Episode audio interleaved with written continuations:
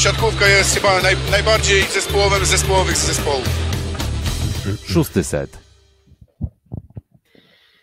Słuchacie podcastu Szósty Set ze studia, tym razem nie w Warszawie, a w podolsztyńskich Kieźlinach Piotrek, Piotrek Złoch. Standardowo ze studia w Rzeszowie Filip Kurfanty, cześć.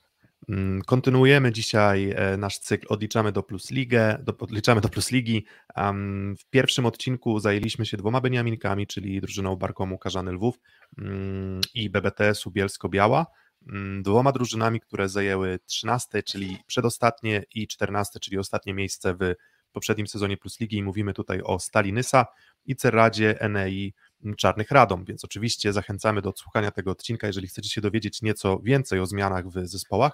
Mm, natomiast my kontynuujemy naszą przygodę i dzisiaj mamy dla Was trzy kolejne drużyny, których składy omówimy. Omówimy różnice w tych e, składach, które zaszły, zarówno jeśli chodzi o zawodników, którzy odeszli, przybyli, czy również pozostali w drużynie. No i zastanowimy się nad tym, czy trzy drużyny, czyli Ślepsk Malow Suwałki, um, Kuprum Lubin i Luk Lublin, um, tymi zmianami dały sobie nadzieję, czy otworzyły sobie szansę na to, żeby z, zrealizować jeszcze lepszy rezultat w tym sezonie Plus Ligi 2022-2023 niż w sezonie poprzednim. Mm, no to co? No to chyba nie ma co specjalnie tutaj większego wstępu dawać. Myślę, że możemy startować od razu z drużyną mm, Ślepska Malow Suwałki. Co ty na to, Filip? Tak, poza tym, że jest pytanie where Kuba. Kuba będzie z nami w przyszłym tygodniu, nie martwcie się, wróci.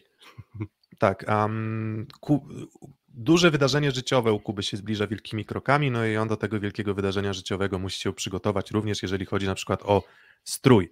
Mm, więc wszyscy tam będziemy, e, ja i Filip i, i partnerki, więc możecie się oczywiście domyślać, co to, co to może tak. być. No ale tymczasowo nie, Kuba po prostu nie przy, W każdym razie jakby nie przygotowuje się do roli, do now, roli nowego Batmana, jeśli chodzi o ten strój. Dokładnie, dokładnie, więc e, Batman to na razie będzie Robert Pattinson, zobaczymy, czy Kuba ma jakieś aspiracje, jeżeli chodzi o bycie Batmanem kiedykolwiek. Na razie ma aspiracje jednak inne, życiowe. Dobra, no ale taki wiesz, sucharowy wstęp, lecimy ze Ślepskiem Malow Suwałki. Ślepsk Suwałki, drużyna założona w 2004 mm, roku mm, rozpoczęła swoje powiedzmy przebijanie się w górę mm, tej hierarchii siatkówki w Polsce. Najpierw od dwóch sezonów w trzeciej lidze, e, potem trzy sezony w drugiej lidze zakończone awansem. No i na tym szczeblu pierwszej ligi Ślepsk Malow Suwałki występował no, 10 lat, od 2009 do 2019 roku, no i w tym 2019 roku w końcu mm, zwycięstwo po drodze były brązowe medale pierwszej ligi, srebrny medal, ale awans, czyli najważniejsze, najważniejsze wydarzenie mm, i zwycięstwo w rozgrywkach miało miejsce w 2019 roku.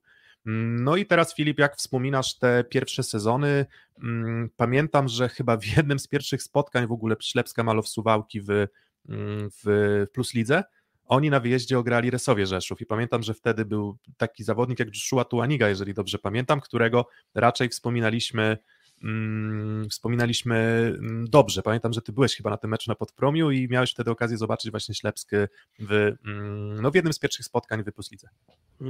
Tak, jakieś teksty w stylu zemsta Andrzeja Kowala lub tego typu rzeczy się pojawiały po tamtym meczu, ale to nie było jedyne zwycięstwo Zaseko Resowie u Ślepska Malow Suwałki, bo późniejszej historii Bundesligowej już takie zwycięstwa też miały miejsce i na pewno Daresowi Suwałczanie najwygodniejszym przeciwnikiem nie są, aczkolwiek już od tamtej pory chociażby trochę się pozmieniało, bo mm, wtedy oczarował mnie właśnie Joshua Tuaniga, którego już w najbliższym sezonie w Suwałkach oglądać nie będziemy, podobnie jak Andrzeja Kowala, który e, w styczniu ubiegłego roku, czy styczniu tego roku, ale ubiegłego sezonu pożegnał się z posadą trenera, pojawił się tam Dominik Papiszewicz, więc y, tych zmian, jak już teraz zacząłem mówić, mamy dwie, a będzie jeszcze trochę więcej do omówienia. Mm, Suwałki weszły do Plus Ligi moim zdaniem w bardzo dobrym stylu. To była ta drużyna w dużej mierze oparta na Nikolasie Szerszeniu i wtedy im bardzo niewiele zabrakło do tego, żeby zameldować się już w debiutanckim sezonie w playoffach. Wtedy chyba rozgrywki przerwała pandemia. Gdyby nie to, mieli względnie niezły terminarz, żeby do ósemki się załapać, ale to, co się nie udało w debiucie, udało się w sezonie kolejnym. Ósme miejsce, mm, wprawdzie w playoffach w ćwierćfinale odpadli, ale ograli zawiercie z kolei w tej późniejszej tak, tak rywalizacji. Tak, finalnie, więc... finalnie siódme miejsce w, w rozgrywkach sezonu 2021. No i właśnie, i tak bez wchodzenia w bardzo duże szczegóły. Natomiast ten pierwszy sezon oparty pewnie o Bartłomieja Bołądzia, o Nikolasa Szerszenia i Joshua Tuanigę W kolejnym sezonie Nikolas Szerszeń odszedł, no i Ślepsk Malow Suwałki już Mm, znaczy, przepraszam, em, dwa sezony chyba Nikolas Szerszeń. Nie, nie, Nikolas już po pierwszym odszedł. A, już po pierwszym, tak. Wraz z nim odszedł Jakub Bronka, za niego sprowadzono Walińskiego i Rousseau. I to okay, jeszcze okay. było tak, że to przyjęcie sensownie zostało zastąpione i generalnie przez te trzy lata historii Suwalczan czy Suwałczan w Plus Lidze było tak, że nie zmieniał czy, się atak, nie zmieniało się rozegranie. Czy Suwalszczan, w każdym razie zespołu z Suwałk, uprościmy sobie. E, te trzy sezony wyglądały mniej więcej tak, że nie zmieniano ataku, nie zmieniano środka, nie zmieniano rozegrania, a roszady były na przyjęciu. I o ile w pierwszym sezonie trafiono obsadę, w drugim trafiono, bo wynik playoff mówi wszystko, to w trzecim już kolejne roszady na przyjęciu zostały moim zdaniem nietrafione, co w dużej mierze właśnie przełożyło się na to, że to był najgorszy sezon pełen marazmu, zakończony na 12 lokacie, mm, dwoma porażkami na koniec sezonu z Lublinem i trochę niedobrego tam te, w ten biegun zimna mm, wpadło. Tak, musiał mm, sytuację ratować Dominik Wapisiewicz. On w trakcie sezonu um, do Ślepska Malow Suwałki dołączył, zastąpił właśnie Andrzeja Kowala, Kowala tu wspomnianego, który no, który można powiedzieć, że chyba budował pozycję Ślepska Malow Suwałki w Plus Lidze przez te, mm, przez te pierwsze sezony.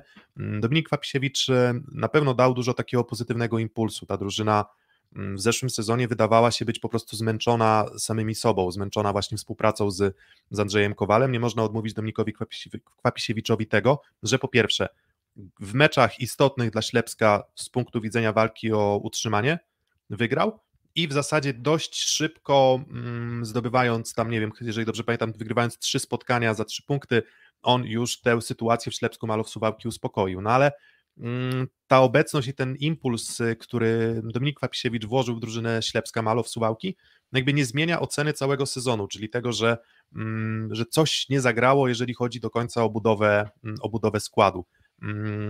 Ta drużyna w poprzednim sezonie miała szereg problemów. Jednym z tych problemów myślę, że ogólnie rzecz biorąc była defensywa i blok.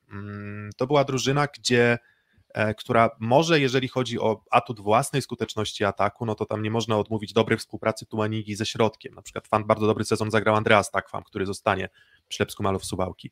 Nie można odmówić e, dobrej współpracy i niezłego sezonu, może nie wybitnego, ale niezłego sezonu mm, Bartłomieja Bołądzia. Natomiast jeżeli mielibyśmy wskazywać jakieś tam konkretne problemy zespołowe Suwałk, to, to, to co według Ciebie byłoby właśnie takim, mm, takim problemem? E, moim zdaniem dużo niedobrego tam robiły zmiany na przyjęciu, czyli ciągłe rotacje w tej czwórce przyjmujących. Tam był e, Buchowski, Halaba, e, Łukasik i, i czwarty z kolei przyjmujący w tamtym sezonie to był jeszcze Klinkenberg. Mhm. Mm, Mateusz Laskowski prawie się na boisku nie pojawiał, więc tu akurat takiej roli bym nie wspominał. No i tak jak wspomniałem, chyba nietrafienie tej formacji właśnie spowodowało, że taki sezon, a nie inny zagrały Suwałki, bo Piotrek Łukasik miał jakieś problemy zdrowotne, też nie do końca grał na swoim poziomie, chociażby z tego sezonu z Uniko Warszawa. Paweł Halaba też zwykle albo dość często narzekał na problemy zdrowotne. Adrian Buchowski to też nie jest taka osoba, która, na której można byłoby oprzeć atak.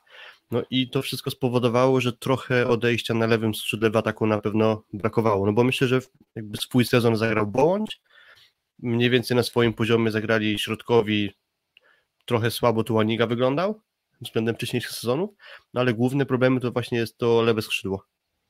No właśnie, tak mm, spoglądam w statystyki z poprzedniego sezonu, bo tak myślę, że tymi statystykami też możemy się, mm, możemy się odrobinę podpierać.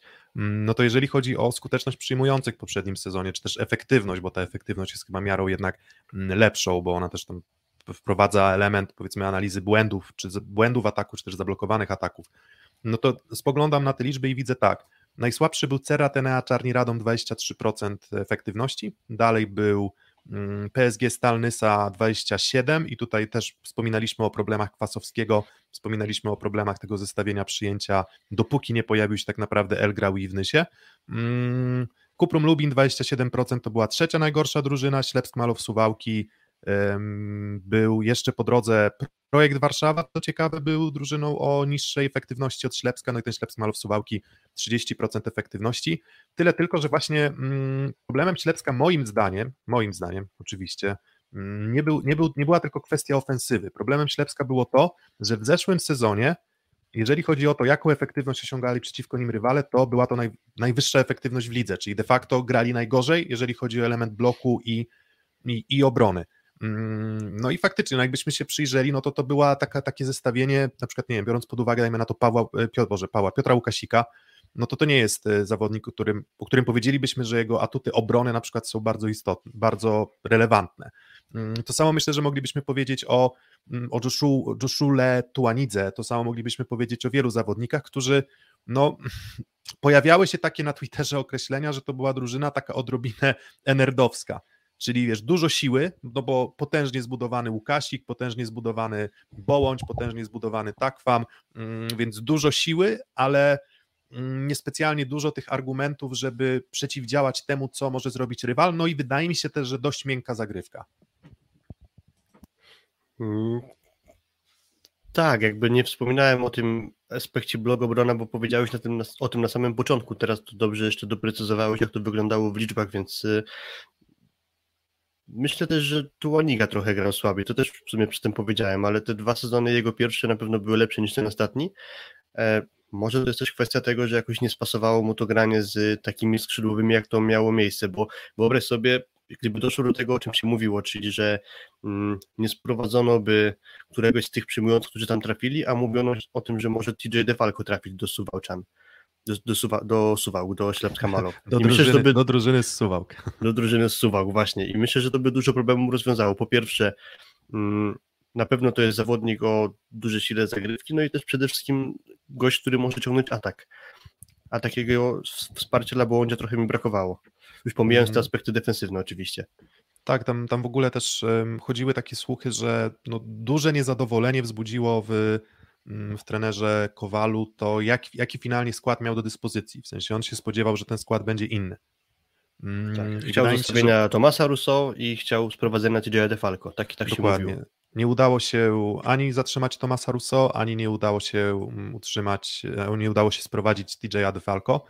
Mm, TJ DeFalco powiedzmy eksplodował formą, jakością sportową w drużynie Indykpolu AZS Wolsztyn, no i myślę, że na pewno co by było gdyby, no to moglibyśmy gdybać ten Ślepsk Malów Suwałki byłby na pewno drużyną mm, mocniejszą. Um, no więc nieźle wyglądała współpraca ze środkiem, bardzo dobry sezon też Takwama, no nie można mu odmówić tego, że, że i statystycznie, ale też i wizualnie. Andreas Takwa mm, wyglądał dobrze i ta współpraca z Tuanigo, jeżeli chodzi o współpracę właśnie ze środkowymi, no wyglądała na pewno, na pewno w porządku, ale mm, problemem pewnie był też, nie wiem, Bołądź zupełnie zgubił zagrywkę, no moglibyśmy tych, tych problemów wymieniać szereg, no ale co do zasady głównym problemem Sułałk nie było to, że byli aż tacy dramatycznie słabi, jeżeli chodzi o własną jakość ataku, ofensywy, Większym problemem jednak było to, że rywale po prostu sobie śmigali przez nich jak chcieli.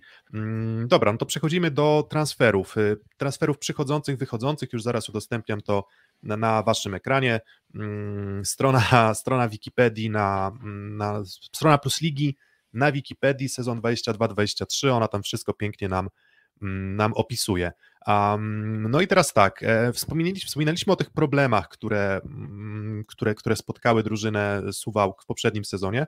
No i teraz możemy się zastanowić nad tym, bo mamy już tutaj wypisane zmiany zawodników, czy co te zmiany faktycznie zmienią w obliczu gry Ślepska Malow Suwałki? Mm, czy czy, czy te zmiany mogą, mogą faktycznie zrobić jakąś dużą różnicę. No i najpierw myślę, że skupmy się na tych odejściach. Wspomniałeś o Joshule Tuanidze, mm, on odchodzi do Indykpolu AZS-u Olsztyn, mm, drugi rozgrywający reprezentacji USA, wydaje mi się, że po niezłym sezonie reprezentacyjnym, za, za niego przychodzi Matias Sanchez. Na pewno atutem Tuanigi też nie jest blok, tak co do zasady. My też im, im dłużej obserwujemy siatkówkę, tym dłużej zdajemy sobie sprawę z tego, że no jednak na przykład wy próbie powstrzymania na bloku przyjmujący kluczową rolę jednak pełni atakujący i rozgrywający, więc tutaj atut tego bloku na pewno się przyda. Natomiast przychodzi Matias Sanchez, no i to też nie jest zawodnik, który mm, ma atuty bloku, no bo ciężko te atuty z 173 cm wzrostu.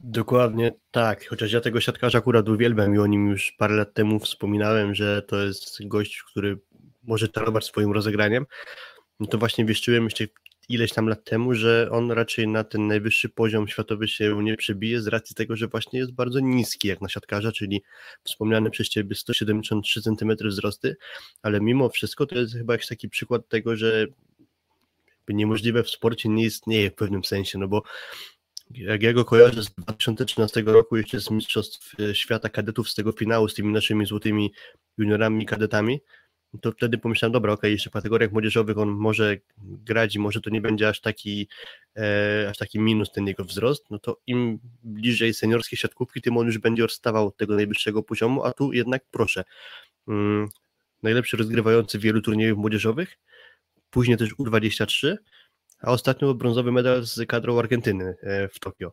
Więc mimo tego mm, niewielkiego wzrostu, jednak e, próbuje. No i teraz skończyło się to tym, że z ligi francuskiej skoczył znowu poziom wyższy, czyli do poziomu plus ligi.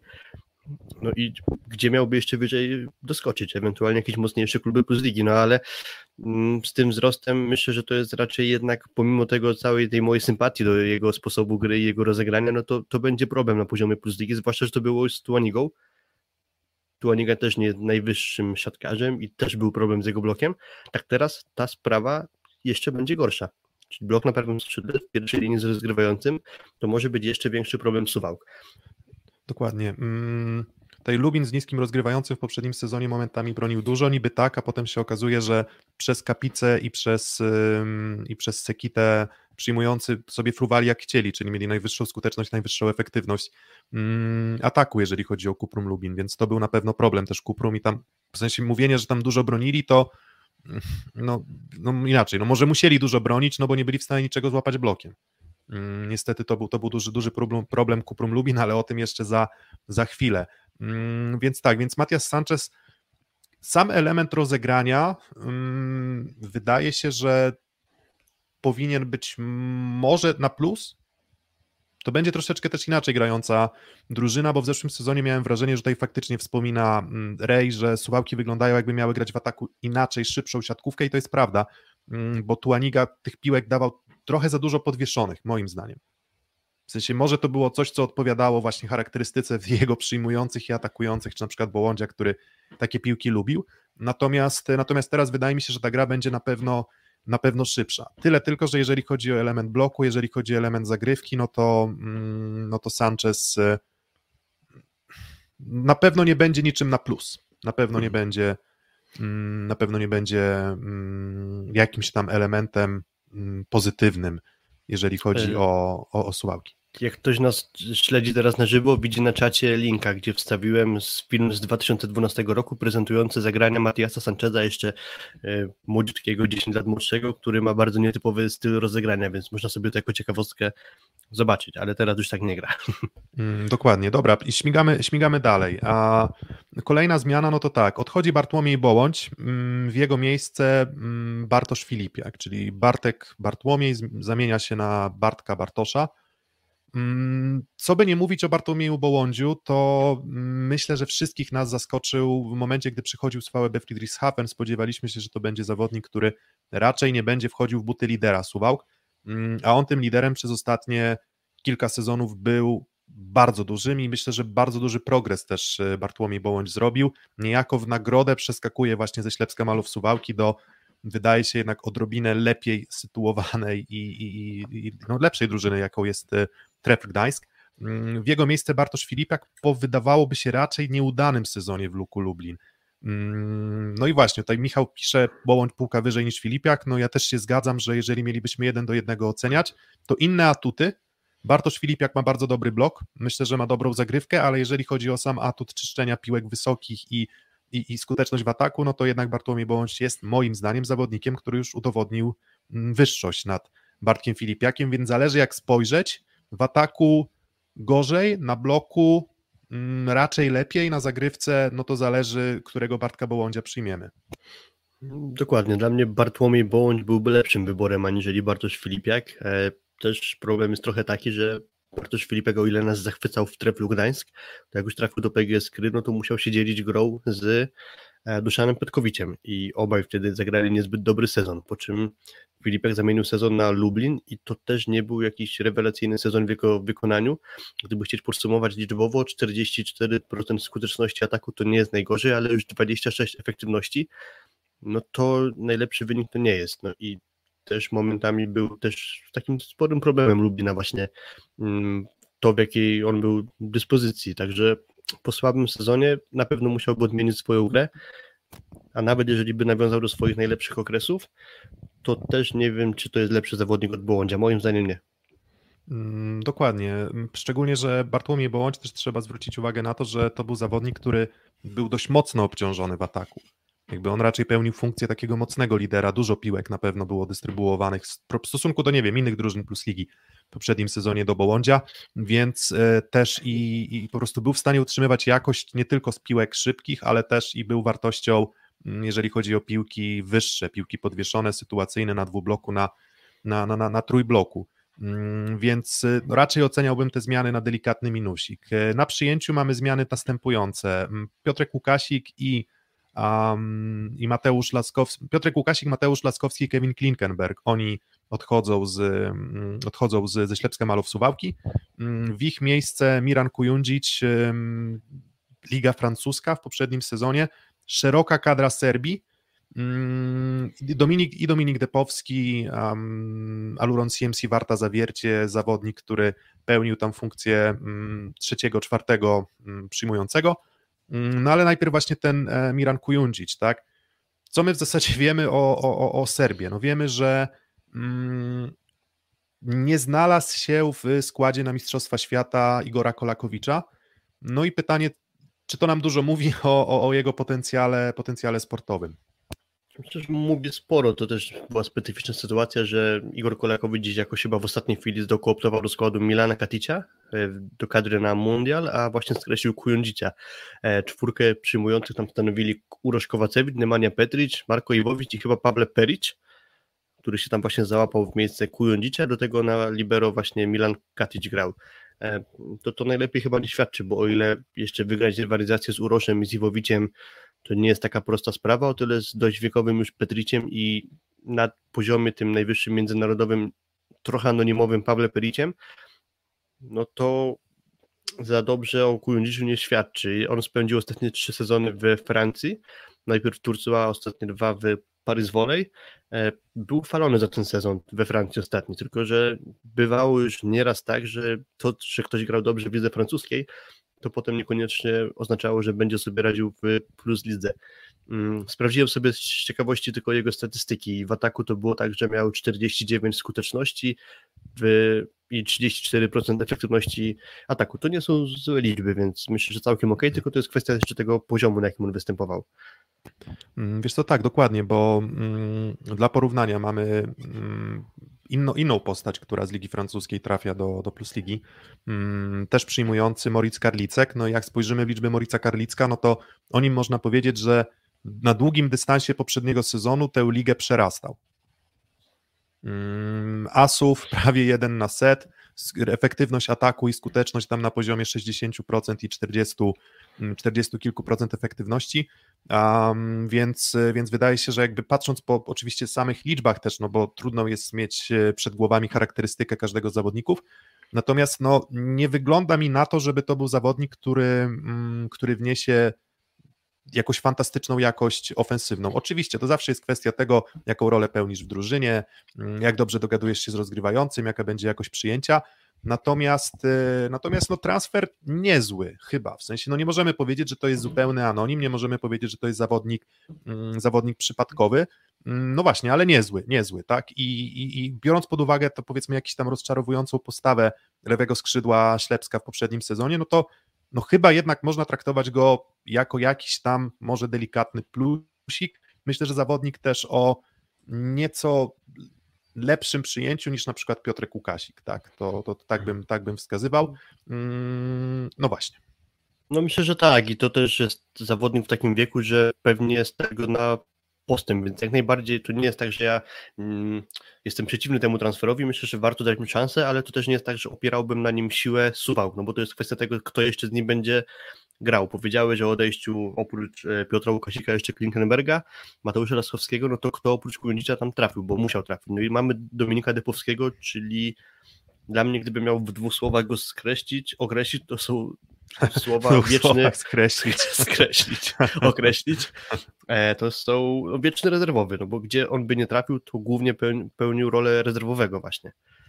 Mm, no gdzieś też z doniesień um, zawodnik, który zazwyczaj fantastycznie prezentuje się na treningach, daje bardzo dużo jakości treningowej, ale nie jest w stanie jej zawsze przełożyć na, na, na wydarzenia meczowe. No niestety jest tak, że że, że, że król, tre, król treningów nie zawsze okazuje się być królem już potem e, meczów.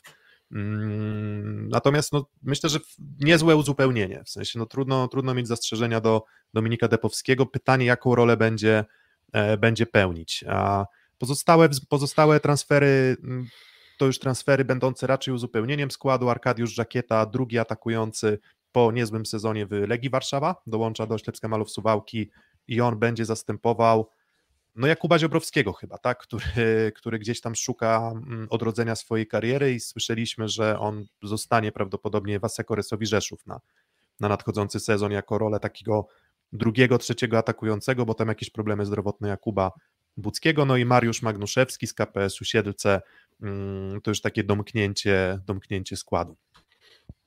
Tak, Mariusz Magnuszewski też można go kojarzyć z przed dwóch sezonów w Plus Lidze, był wtedy zmiennikiem Miguela Tavaresza w Kuprum Lublin. Później zagrał cały sezon w Siedlcach, no i znów próbuje swojego szczęścia w Plus Lidze. Myślę, że nie jest skazany na łapkę przez cały sezon, bo Matias Sanchez właśnie ze względu na warunki fizyczne być może czasami e, będzie potrzebował zmiany i to też chyba nie jest najrówniejszy rozgrywający, także myślę, że Magnuszewski może czasami swoje szanse otrzymywać.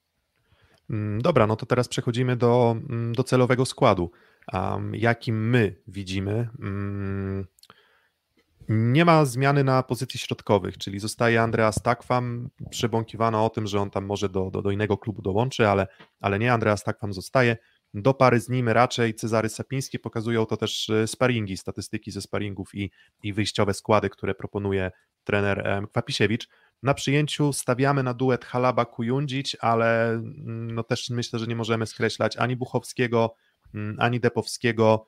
Mm, więc w zasadzie, no mówię, wyjściowo, wyjściowo myślę, że tak, ale docelowo trudno powiedzieć, gdzieś tam się przebąkiwano o jakichś tam delikatnych problemach zdrowotnych Pawła Halaby, ale on chyba w, we wczorajszym sparingu już też e, zagrał z, mm, z projektem Warszawa, wygranym swoją drogą przez Ślewsk Malów Suwałki 3 do 0. Tak, w jednym z ostatnich sparingów i Paweł Halaba i Cezary Sapiński też do nas, przez nas nominowany do pierwszej szóstki spędzili za bandami, ale już treningi wznowili i już wczoraj zagrali mecz sparingowy właśnie wspomniany przez Ciebie z projektem Warszawa, wygrany przez Suwałki 3 do 0. No oprócz tego Czyli... stawiamy na Matasa Sancheza i Bartosza Filipiaka w wyjściowej szóstce. Myślę, że to na pewno na początku tak będzie wyglądać. Plus mm, Mateusz no i... na libero. No i tak, no i patrzymy sobie na tę drużynę. I tak, czy ta drużyna będzie bardziej skuteczna niż w poprzednim sezonie?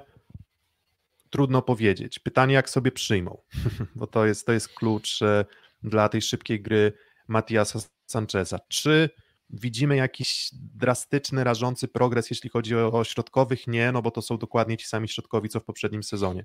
Może nieco lepszy blok Filipiaka, natomiast nie wydaje mi się, żeby te zmiany w drużynie drastycznie zmieniły charakterystykę, mm, charakterystykę Ślepska Malów Suwałki. Może właśnie to tempo gry będzie, będzie wyższe. Natomiast tempo gry, tempem gry, a na końcu liczy się to, jak, z jaką skutecznością twoja drużyna atakuje. No i tutaj ta półka postawiona przez Tuanigę wcale nie była postawiona tak, mm, tak nisko, bo jeżeli chodzi o tam łączną, sumaryczną skuteczność ataków w poprzednim sezonie Ślepska Malów Suwałki, no to to było 50,5%, 35% mm, efektywności, to był wynik powyżej średniej ligowej. To był wynik lepszy od Czarnych, Kuprum, GKS-u Katowice, Luku Lublin, Stalinysa, Trefla Gdańsk, mm, przykład Aluronu CMC Warty Zawiercie na dystansie całego sezonu projektu Warszawa, więc to wcale nie jest tak, że ten Sanchez, w sensie, że ten Tuaniga prowadził grę w taki sposób, że drużyna była bardzo, bardzo nieskuteczna. Mm, no a pozostałe problemy, na przykład właśnie ze wzrostem Sancheza, pozostają. W zeszłym sezonie dało to miejsce 12. No i Filip które miejsce da w tym sezonie. E, my już, ja już odpaliłem ankietę, więc możecie się też wypowiedzieć. E, cztery przedziały do, do wyboru. No a ty, Filip, jakbyś miał wybrać ten trzy miejscowy przedział. Mam wątpliwości, czy ta drużyna została wzmocniona, bo rozmawiamy o tych atutach i bolączkach poprzedniego sezonu i nie widzę tu wyraźnie poprawy, oprócz tego właśnie co powiedziałeś o Bartoszu Filipiaku, który może być wzmocnieniem na bloku. E, pewnie, że możemy liczyć na to, że Filipiak odnajdzie się w formie z Gdańska, że Paweł Halaba odnajdzie się w formie z Gdańska, e, że Miran Kujundzic okaże się jakimś objawieniem tego e, tej półki jakby plusligowej mm, i wtedy to może jakoś na pewno ze sobą współgrać, ale mam trochę wątpliwości co do tego. E, miejsca 12-14 bym wytypował dla Suwałk. Myślę, że około 13 miejsca właśnie wylądują. Myślę, że to będzie na pewno ekipa, która wy, raczej wyprzedzi Bielsko i Barkom, a co będzie wyżej, jak będą w stanie wysoko podskoczyć, chyba powyżej 12 miejsca już nie. Mm, dokładnie. Mm, jakby tak, gdyby miał szukać tych takich pozytywnych aspektów, jakby co musiałoby się wydarzyć, żeby Ślepsk Malow Suwałki zagrał o wyższe miejsca. Mm, ja bym właśnie tak obstawiał przedział 12-14. 12-14 i bardziej 13-14 niż 12. Mm, tak myślę. Mm, co musiałoby się wydarzyć, żeby Ślepsk Malow Suwałki wyglądał dobrze? To Paweł Halaba musiałby wrócić mniej więcej do swojego poziomu, który prezentował w Treflu Gdańsk i musiałby być zdrowy. Mm, Bartosz Filipiak swoją drogą też musiałby wrócić do poziomu Strefla Gdańsk e, wtedy, gdy mm, w sezonie właśnie z Marcinem Januszem, Pawłem Halabą był no jednym z lepszych, wyróżniających się atakujących ligi. Ten jego pobyt w Luku Lublin nieudany, pobyt w PGS Krzebełchatów również nieudany, trochę targany kontuzjami. Mm, do tego Miran Kujundzic musiałby okazać się być zawodnikiem co najmniej grającym na takim poziomie w lidze francuskiej, jak w lidze polskiej, statystycznie i, i wizualnie. Mm, no dużo tych ale, dużo tych ale i właśnie te dużo ale powoduje, że, że ciężko jest Ślepsk Malow Suwałki tutaj traktować jako drużynę, mm, która może zahaczyć o playoff.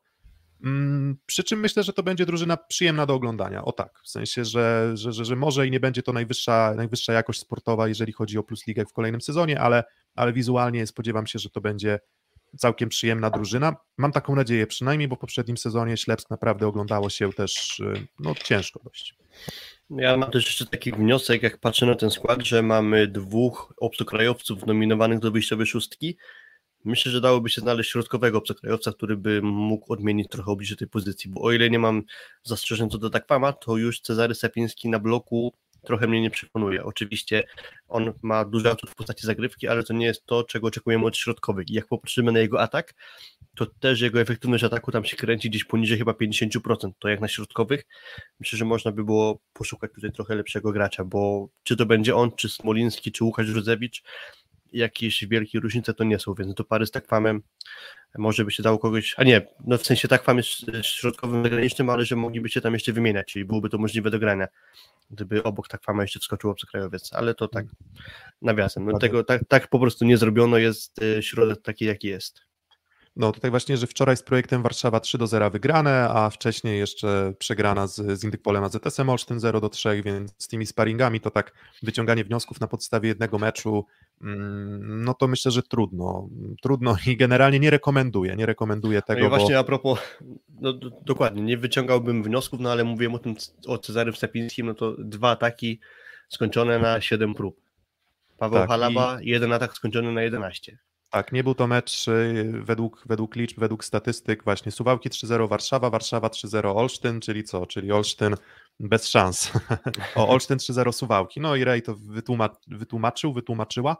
Mm, koło się zamknęło, nie no, pełna, pełna zgoda. Więc jeżeli chodzi o element, mm, element sparingowy, to różny etap przygotowań. Przecież Indyk Pola ZS Olsztyn dopiero od kilku dni tak naprawdę funkcjonuje w Mm, w jednej drużynie, bo dołączył Avril, dołączył Poręba, dołączył Tuaniga, więc w zasadzie z Tuanigą to zgranie dopiero się e, rozpoczyna. Mm, dołączył Andringa, więc jeszcze, jeszcze mówię, poczekajmy, każda z drużyn jest troszeczkę innej sytuacji, a Ślepsk Malów Suwałki miał jednak komfort przygotowań duży, czyli tam w zasadzie poza Sanchezem, chociaż Sanchez no faktycznie zgranie z Sancheza, no ale on troszeczkę wcześniej może dołączył do Suwałk, mm, więc Um, więc, więc poza Sanchezem, no to, no to w zasadzie pozostała część drużyny już jakoś tam mogła funkcjonować lepiej, chociaż na pewno rozgrywający jest tutaj um, elementem kluczowym dla zgrania drużyny przed, przed sezonem. Um, wypowiadacie się w ankiecie, ankietę jeszcze chwilę, mm, chwilę zostawię otwartą, natomiast jeśli chodzi o wasze typy, 9-12, 13-15, 57% na 9-12 i 40% na 13-15 i to byłby moim zdaniem taki obraz uśredniony właśnie takiego miejsca 12-13, czyli gdzieś na granicy tych dwóch, e, dwóch przedziałów, przynajmniej wy tak typujecie, jest 4% do spadku, ale oczywiście przekonamy się już wkrótce, mm, zamykamy temat Ślepska Malów Suwałki, no i czas przejść do kolejnej drużyny, czyli 11 drużyny poprzedniego sezonu, a tą drużyną 11 poprzedniego sezonu był... Luk Lublin. Luk, nie, Kuprum Lublin. Luk Lublin. A Luk Lublin, Kuprum wygrało 3-2, 3-2, tak? Okej, okay, czyli 11 Kuprum ograło Warszawę e, w meczu A, o tak, miejsca tak, tak, tak. 9-10. Dobra, Znaczy, Przepraszam. sorry, ile Luk- Warszawa grała Kuprum e, w grze o 9-10 miejsca, czyli Kuprum Dokładnie. było 10, a Luk Lublin dwukrotnie po tej breaku ograł Suwałki, więc oni byli trochę wyżej od Suwałki. Dokładnie, dobra, to się zakręciłem, chciałem to zrobić tak pięknym, płynnym przejściem, więc płynnym, pięknym, płynnym przejściem przechodzimy do Luku Lublin. Szósty set. Mm, Luk Lublin to jest kolejna drużyna, która mm, tego swojego pobytu w Plus Lidze nie ma najdłuższego. Mm, W zeszłym sezonie to był ich pierwszy sezon w, w Plus Ligach w najwyższej klasie rozgrywkowej.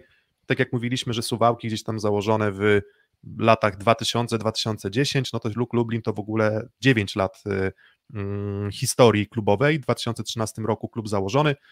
No i to była drużyna, która mm, znowu dwa lata w trzeciej lidze, awans do drugiej ligi, mm, potem cztery lata w drugiej lidze, czyli bardzo podobny schemat jak e, Ślepsk Malow Suwałki, ale już w tej pierwszej lidze bardzo szybko dołączyli do czołówki. W swoim pierwszym sezonie miejsce trzecie i już w drugim sezonie 2020-2021 pewny awans do Plus Ligi, 31 zwycięstw, tylko 5 porażek, więc zdominowali rozgrywki e, w sezonie 2020-2021.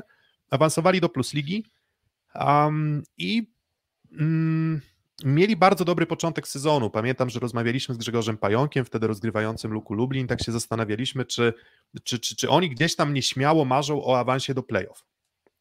Mm, wiadomo, marzenia były, ale niestety, niestety rzeczywistość zweryfikowała. Luk Lublin trochę siadł w drugiej e, rundzie. W drugiej rundzie rozgrywek był już drużyną mm, trochę rozczarowującą, w stosunku oczywiście do tego, co zaprezentowali, ale wiadomo, apetyt rośnie w miarę, apetyt rośnie w miarę jedzenia. Mm, ale ogólnie chyba, spoglądając na sezon Beniaminka, no to to 11 miejsce nie było, nie było takim złym rezultatem. Tak, wspomniałeś, że klub założony w 2013 roku, wtedy przestały istnieć jakiekolwiek seniorskie kluby w Lublinie siatkarskie i aktualny prezes właśnie wtedy e, w rozmowie z jednym ze swoich współpracowników obecnych postanowił, dobra, to załóżmy sobie własny klub. LKPS to jest skrót od Lubelski Klub Przyjaciół Siatkówki, to co widzimy na herbie. No i dwa sezony w pierwszej lidze zanim awansowali i to pokazuje, jak oni duże kroki musieli szybko stawiać. 2013 rok założenie, dwa lata tylko w pierwszej lidze i już plus liga. Mm, Na wejście startowe w tym sezonie, gdzie awansowali, plany były takie, żeby się spokojnie utrzymać. I to im się udało, bo bez żadnych problemów nastąpiło utrzymanie. Mm, Z szansami, tak właśnie jak powiedziałeś, na playoff. Po czym, jak rozmawiałem rok temu z prezesem, no to w tym sezonie już celem jest e, wejście do playoffów, więc widać, że takie stopniowe mm, parcie w górę postawiono na takie rozwiązania. No i to chyba może się udać, patrząc na skład. Jeszcze mówisz o tym sezonie poprzednim, to faktycznie oni mieli początek bez Wodarczyka, gdzie przegrali chyba dwa, trzy pierwsze mecze, ale wygrali pierwszy raz w czwartej kolejce z Katowicami. Potem były kolejne kilka spotkań i od mniej więcej przełomu listopada i grudnia była ta seria, gdzie w 16 meczach wygrali tylko trzy.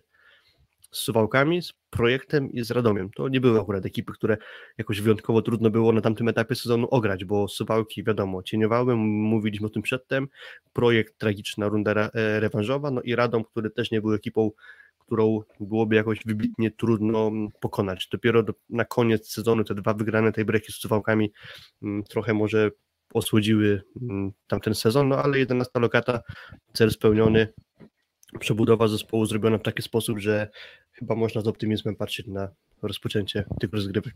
Mm, Dokładnie. To zestawienie w zeszłym roku, czyli co Wachnik, Włodarczyk, em, na rozegraniu e, Grze- Grzegorz Pająk, e, Bartosz Filipiak, mm, Jan Nowakowski, Wojciech Sobala, który potem z powodów, kontuz, z powodów kontuzji, problemów zdrowotnych został zastąpiony przez e, Konrada e, Stajera. Mm, no i Dustin Watten, to, to, to właśnie takie zestawienie w zeszłym roku zaproponował nam trener mm, Daszkiewicz. I teraz tak, jak, to, jako, jak ja wspominam Luke Lublin, no to wydaje mi się, że tak bym miał wskazać główny atut y, i taką powiedzmy główną cechę Luku Lublin, czy w zasadzie dwie cechy, to bym powiedział, że pierwszą była cierpliwość, czyli to była drużyna, która ponawiała bardzo dużo ataków, gdzie ani Włodarczyk, ani Wachnik się nie podpalali, starali się nabijać piłki o blok i powtarzali, i powtarzali, i powtarzali. To zaprowadziło ich do, nie wiem czy pamiętasz, dwóch zwycięstw bardzo zaskakujących z PGS Krobełchatów na wyjeździe i, za, Sekor, i za Sekoresowią Rzeszów również, również wtedy na, na podpromie, jeżeli dobrze pamiętam. Tak. Mm, ten, e, te mecze. Ja bardzo A, dobrze pamiętam. Tak ty, ty, ty, ty, tak, ty wspominasz bardzo dobrze, natomiast pamiętam, że wtedy właśnie zaskakiwali cierpliwością, zaskakiwali naprawdę, naprawdę dużą, e, dużą cierpliwością. Tyle tylko, że znowu, jeżeli to są uśrednione statystyki z całego sezonu oczywiście, ale jeżeli spojrzymy sobie na te statystyki a, Luku Lublin, to co zobaczymy? Zobaczymy, że była to drużyna. Jak myślisz, e, mm, jak prezentował się Luke Lublin, jeśli chodzi o tam skuteczność ataku, bo tam efektywność zaraz jeszcze powiem. Znaczy, jeśli chodzi o skuteczność, to myślę, że całkiem ok, ale tam będzie problem z efektywnością, tak obstawiam. A właśnie, właśnie w drugą stronę. Okazuje się, że jeżeli chodzi o skuteczność, to była to najsłabsza drużyna ligi. Okej, okay, ale efektywność jakoś znacząco. Tak, nie, efektywność była dużo, efektywność była dużo lepsza, bo, bo wyprzedzili Radom, wyprzedzili Lubin, Katowice, um, Nysę, um, więc już było dużo lepiej. To jest to, co właśnie o czym mówiłem, czyli oni nie kończyli wielu ataków w pierwszej próbie, ale ponawiali je, ponawiali je i mieli odejście w postaci w postaci kolejnych e, kolejnych tych kolejnych prób ataku No i tam jeszcze początek z Milanem Katiciem, to też trochę wpasowywało się w grę taką cierpliwą, bo wiadomo, że to nie jest zawodnik, który by na wysokiej piłce jakoś e, był wielce utalentowany albo mm, mógł takie piłki kończyć. Szybko z Katicza zrezygnowano i więcej szans dostawał Jakub Wachnik. I trochę mnie zmyliło to, jak mówiłem o tym, że Bartosz Filipek miał słabą efektywność w poprzednim sezonie w kontekście tego, co mówiliśmy o Suwałkach, stąd taki mój typ, że efektywność tu nie wyglądała za dobrze, ale trochę Tak, tak, tak, ale i masz, i masz rację, bo jeżeli chodzi o samą, samą jakość e, prawego skrzydła, to mm, była to trzecia najgorsza drużyna ligi. 26,7% efektywności i 45% skuteczności to, to, to, były wyniki. Zmiennik no... Bartosza Filipiaka, Szymon Romacz też od dawna chyba dobrego sezonu na poziomie plus ligi nie zagrał, więc jakby tu wszystko do siebie pasowało. Tak, Szymon Romacz to chyba tylko najlepszy swój mecz w sezonie zagrał jako chyba drugi, drugi od końca, czyli ten e, w, o mecz e, w meczu o 11-12 tak? okay. z Suwałkami to wtedy, to wtedy on zagrał naprawdę, naprawdę w porządku, no ale to był jeden mecz, więc bardziej anomalia niż trend. Um, niech, już to, niech już to padnie i w tym odcinku.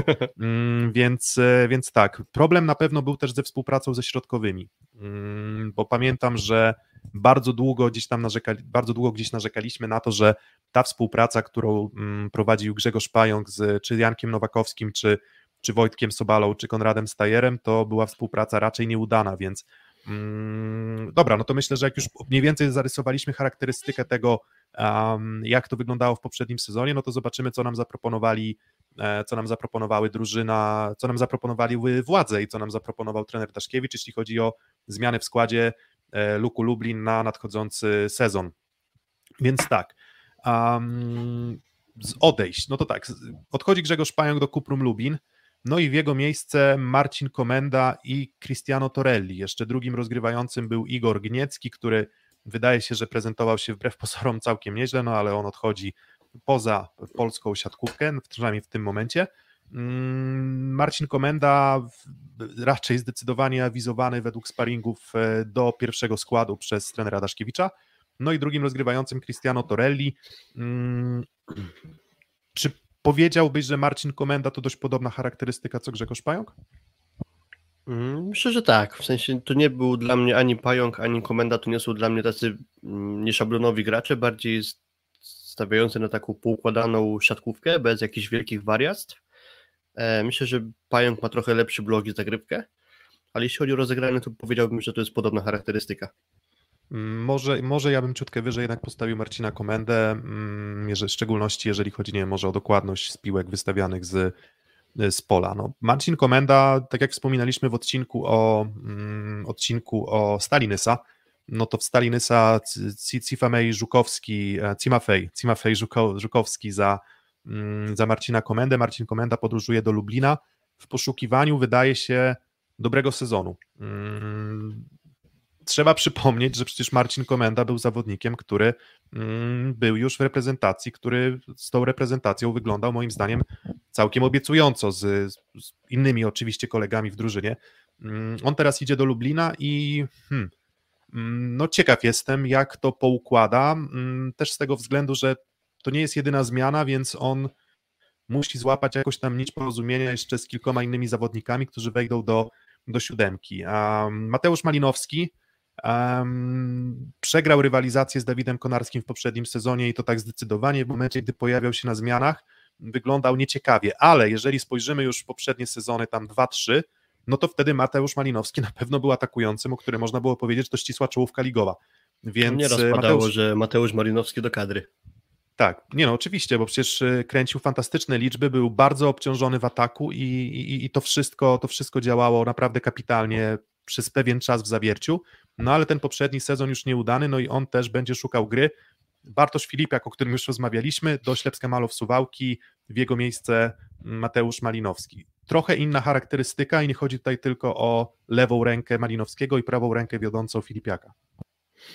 Tak, myślę, że to jest raczej zawodnik bardziej do szybszej gry niż na wysokim pułapie wystaw, tak jak jest to z Filipiakiem, bo moim zdaniem on jest trochę lepiej pasujący do kończenia wysokich piłek.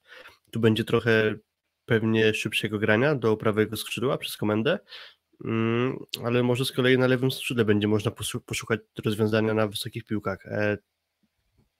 Co do jeszcze mm, powiedziałeś Marcina Komendy, to jest taki chyba kluczowy dla niego sezon, jeśli chciałby powiedzmy aspirować do klubów z górnej połowy tabeli, tak mniej więcej, no bo on trafił do Aseko Resowi po, i tam był bardzo nieudany jego sezon.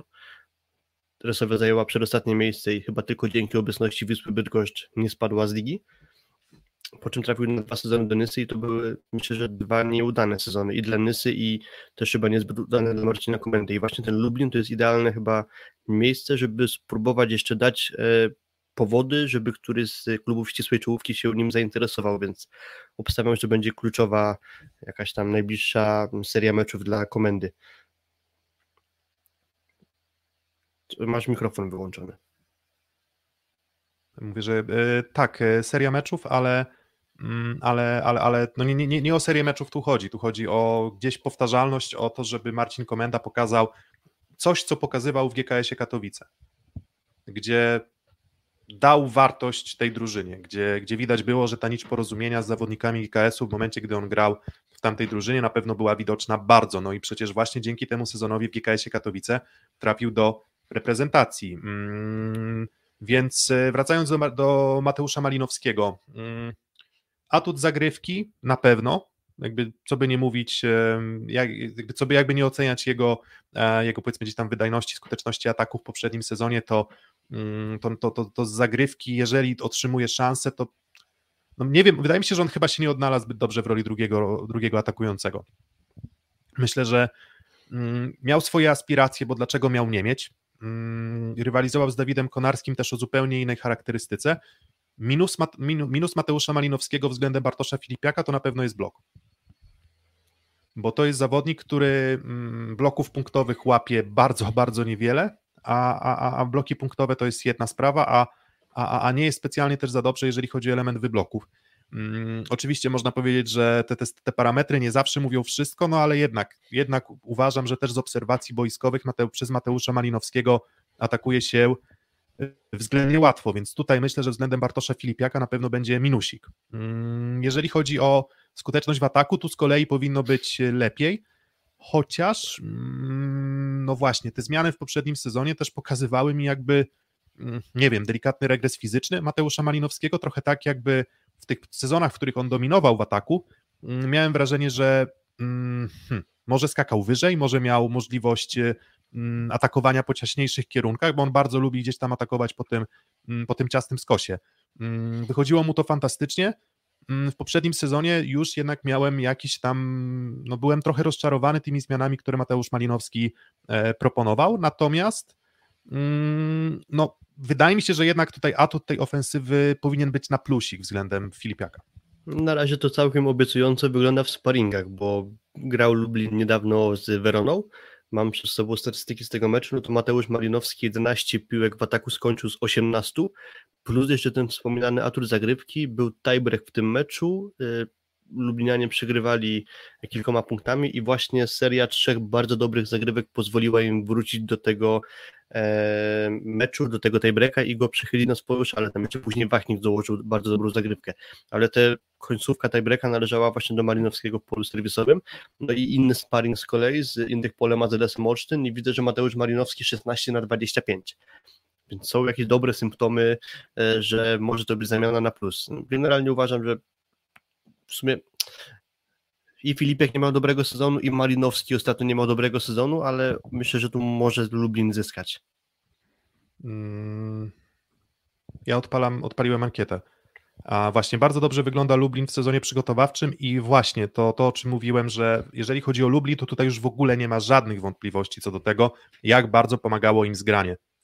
Mieli wszystkich, poza Jeffreyem Gendrykiem, wszyscy zawodnicy byli do dyspozycji Dariusza Daszkiewicza od samego początku. Pomijam element kontuzji oczywiście, czy tam urazów, tak, tak. ale Konrad nie było Steyer ostatnio siedział za bandami w meczu z Weroną na przykład, ale już wrócił do składu. Tak, nie było mm, nie było mm, żadnego reprezentanta poza, Jeffrey, Jeff, poza Jeffreyem Gendrykiem. Mm, ja odpaliłem już ankietę, zastanawiałem się jak ugryźć temat um, przedziałów i wydaje mi się, że tutaj założenie, że Luke Lublin może spaść z ligi jest, byłoby bardzo, bardzo mm, niespodziewane. Abstrakcyjne. Trochę abstrakcyjne, więc um, ja dałem przedziały 5, 6, 7, 8, 9, 12 i 13, 16, ale zanim jeszcze przejdziemy do, do, do, do, do naszych typów, no to jeszcze omówmy sobie pozostałe zmiany. Mm, do drużyny z Lublina dołącza również Nikolas Szerszeń. Mm, Nikolas Szerszeń, który no, ostatni sezon pod szyldem problemów zdrowotnych, pod szyldem no jednak nieudanego raczej sezonu dla Sekoresowi Rzeszów y, jako całokształt. On pojawiał się na boisku raczej sporadycznie, no i gdy pojawiał się na boisku, to nie prezentował się, myślę, spektakularnie. Mm, tyle tylko, że pamiętamy, że po pierwsze to jest cały czas zawodnik młody, a poza tym on już Ślepsku Suwałki potrafił udowodnić, że że potrafi grać na zdecydowanie wyższym poziomie. No to czy to jest ten sezon, w którym Nikolas Szerszeń zagra od deski do deski i zagra dobrze? To jest to, jest to pytanie. No by tak, lubię patrzeć na grę Nikolasa Szerszenia i właśnie chciałbym, żeby nawiązał do tej gry z Suwałk w debiutanckim sezonie Ślepska Malow plus Lidze.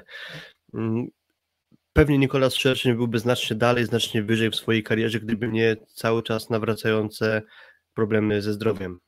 Niestety jego atutem na pewno nie jest zdrowie i odporność, także będzie tutaj od, od, tego bardzo dużo zależeć. Na razie wygląda to tak, że Nikolas Szerszeń będzie w pierwszej szóstce, stawia na niego Daszkiewicz bardzo wyraźnie i to, co dało się zauważyć w meczu z Weroną, który widziałem, to chyba jednym ze sposobów na wysoką piłkę w Lublinie będzie to, co trochę było w poprzednim sezonie, to znaczy wystawa na przykład do szerszenia w pierwszej linii i on próbuje grać z blokiem, to znaczy jeżeli nie ma piłki, którą ma dużą pewność, że skończy, to próbuje obijać o bloki, ponawiamy akcję.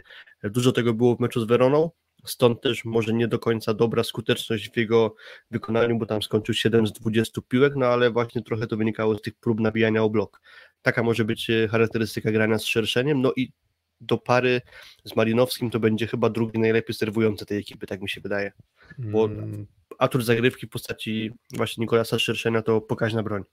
Dokładnie, to w zeszłym sezonie wydaje się jednak, że ten atut zagrywki, jeżeli chodzi o przyjmujących, czyli tam zestawienie Włodarczyk-Wachnik, no bo to było takie zestawienie podstawowe, no to wydaje się, że jednak Nikolas Szerszeń powinien być tutaj na plus. W sensie z, z kim będzie występował, to jeszcze trudno powiedzieć.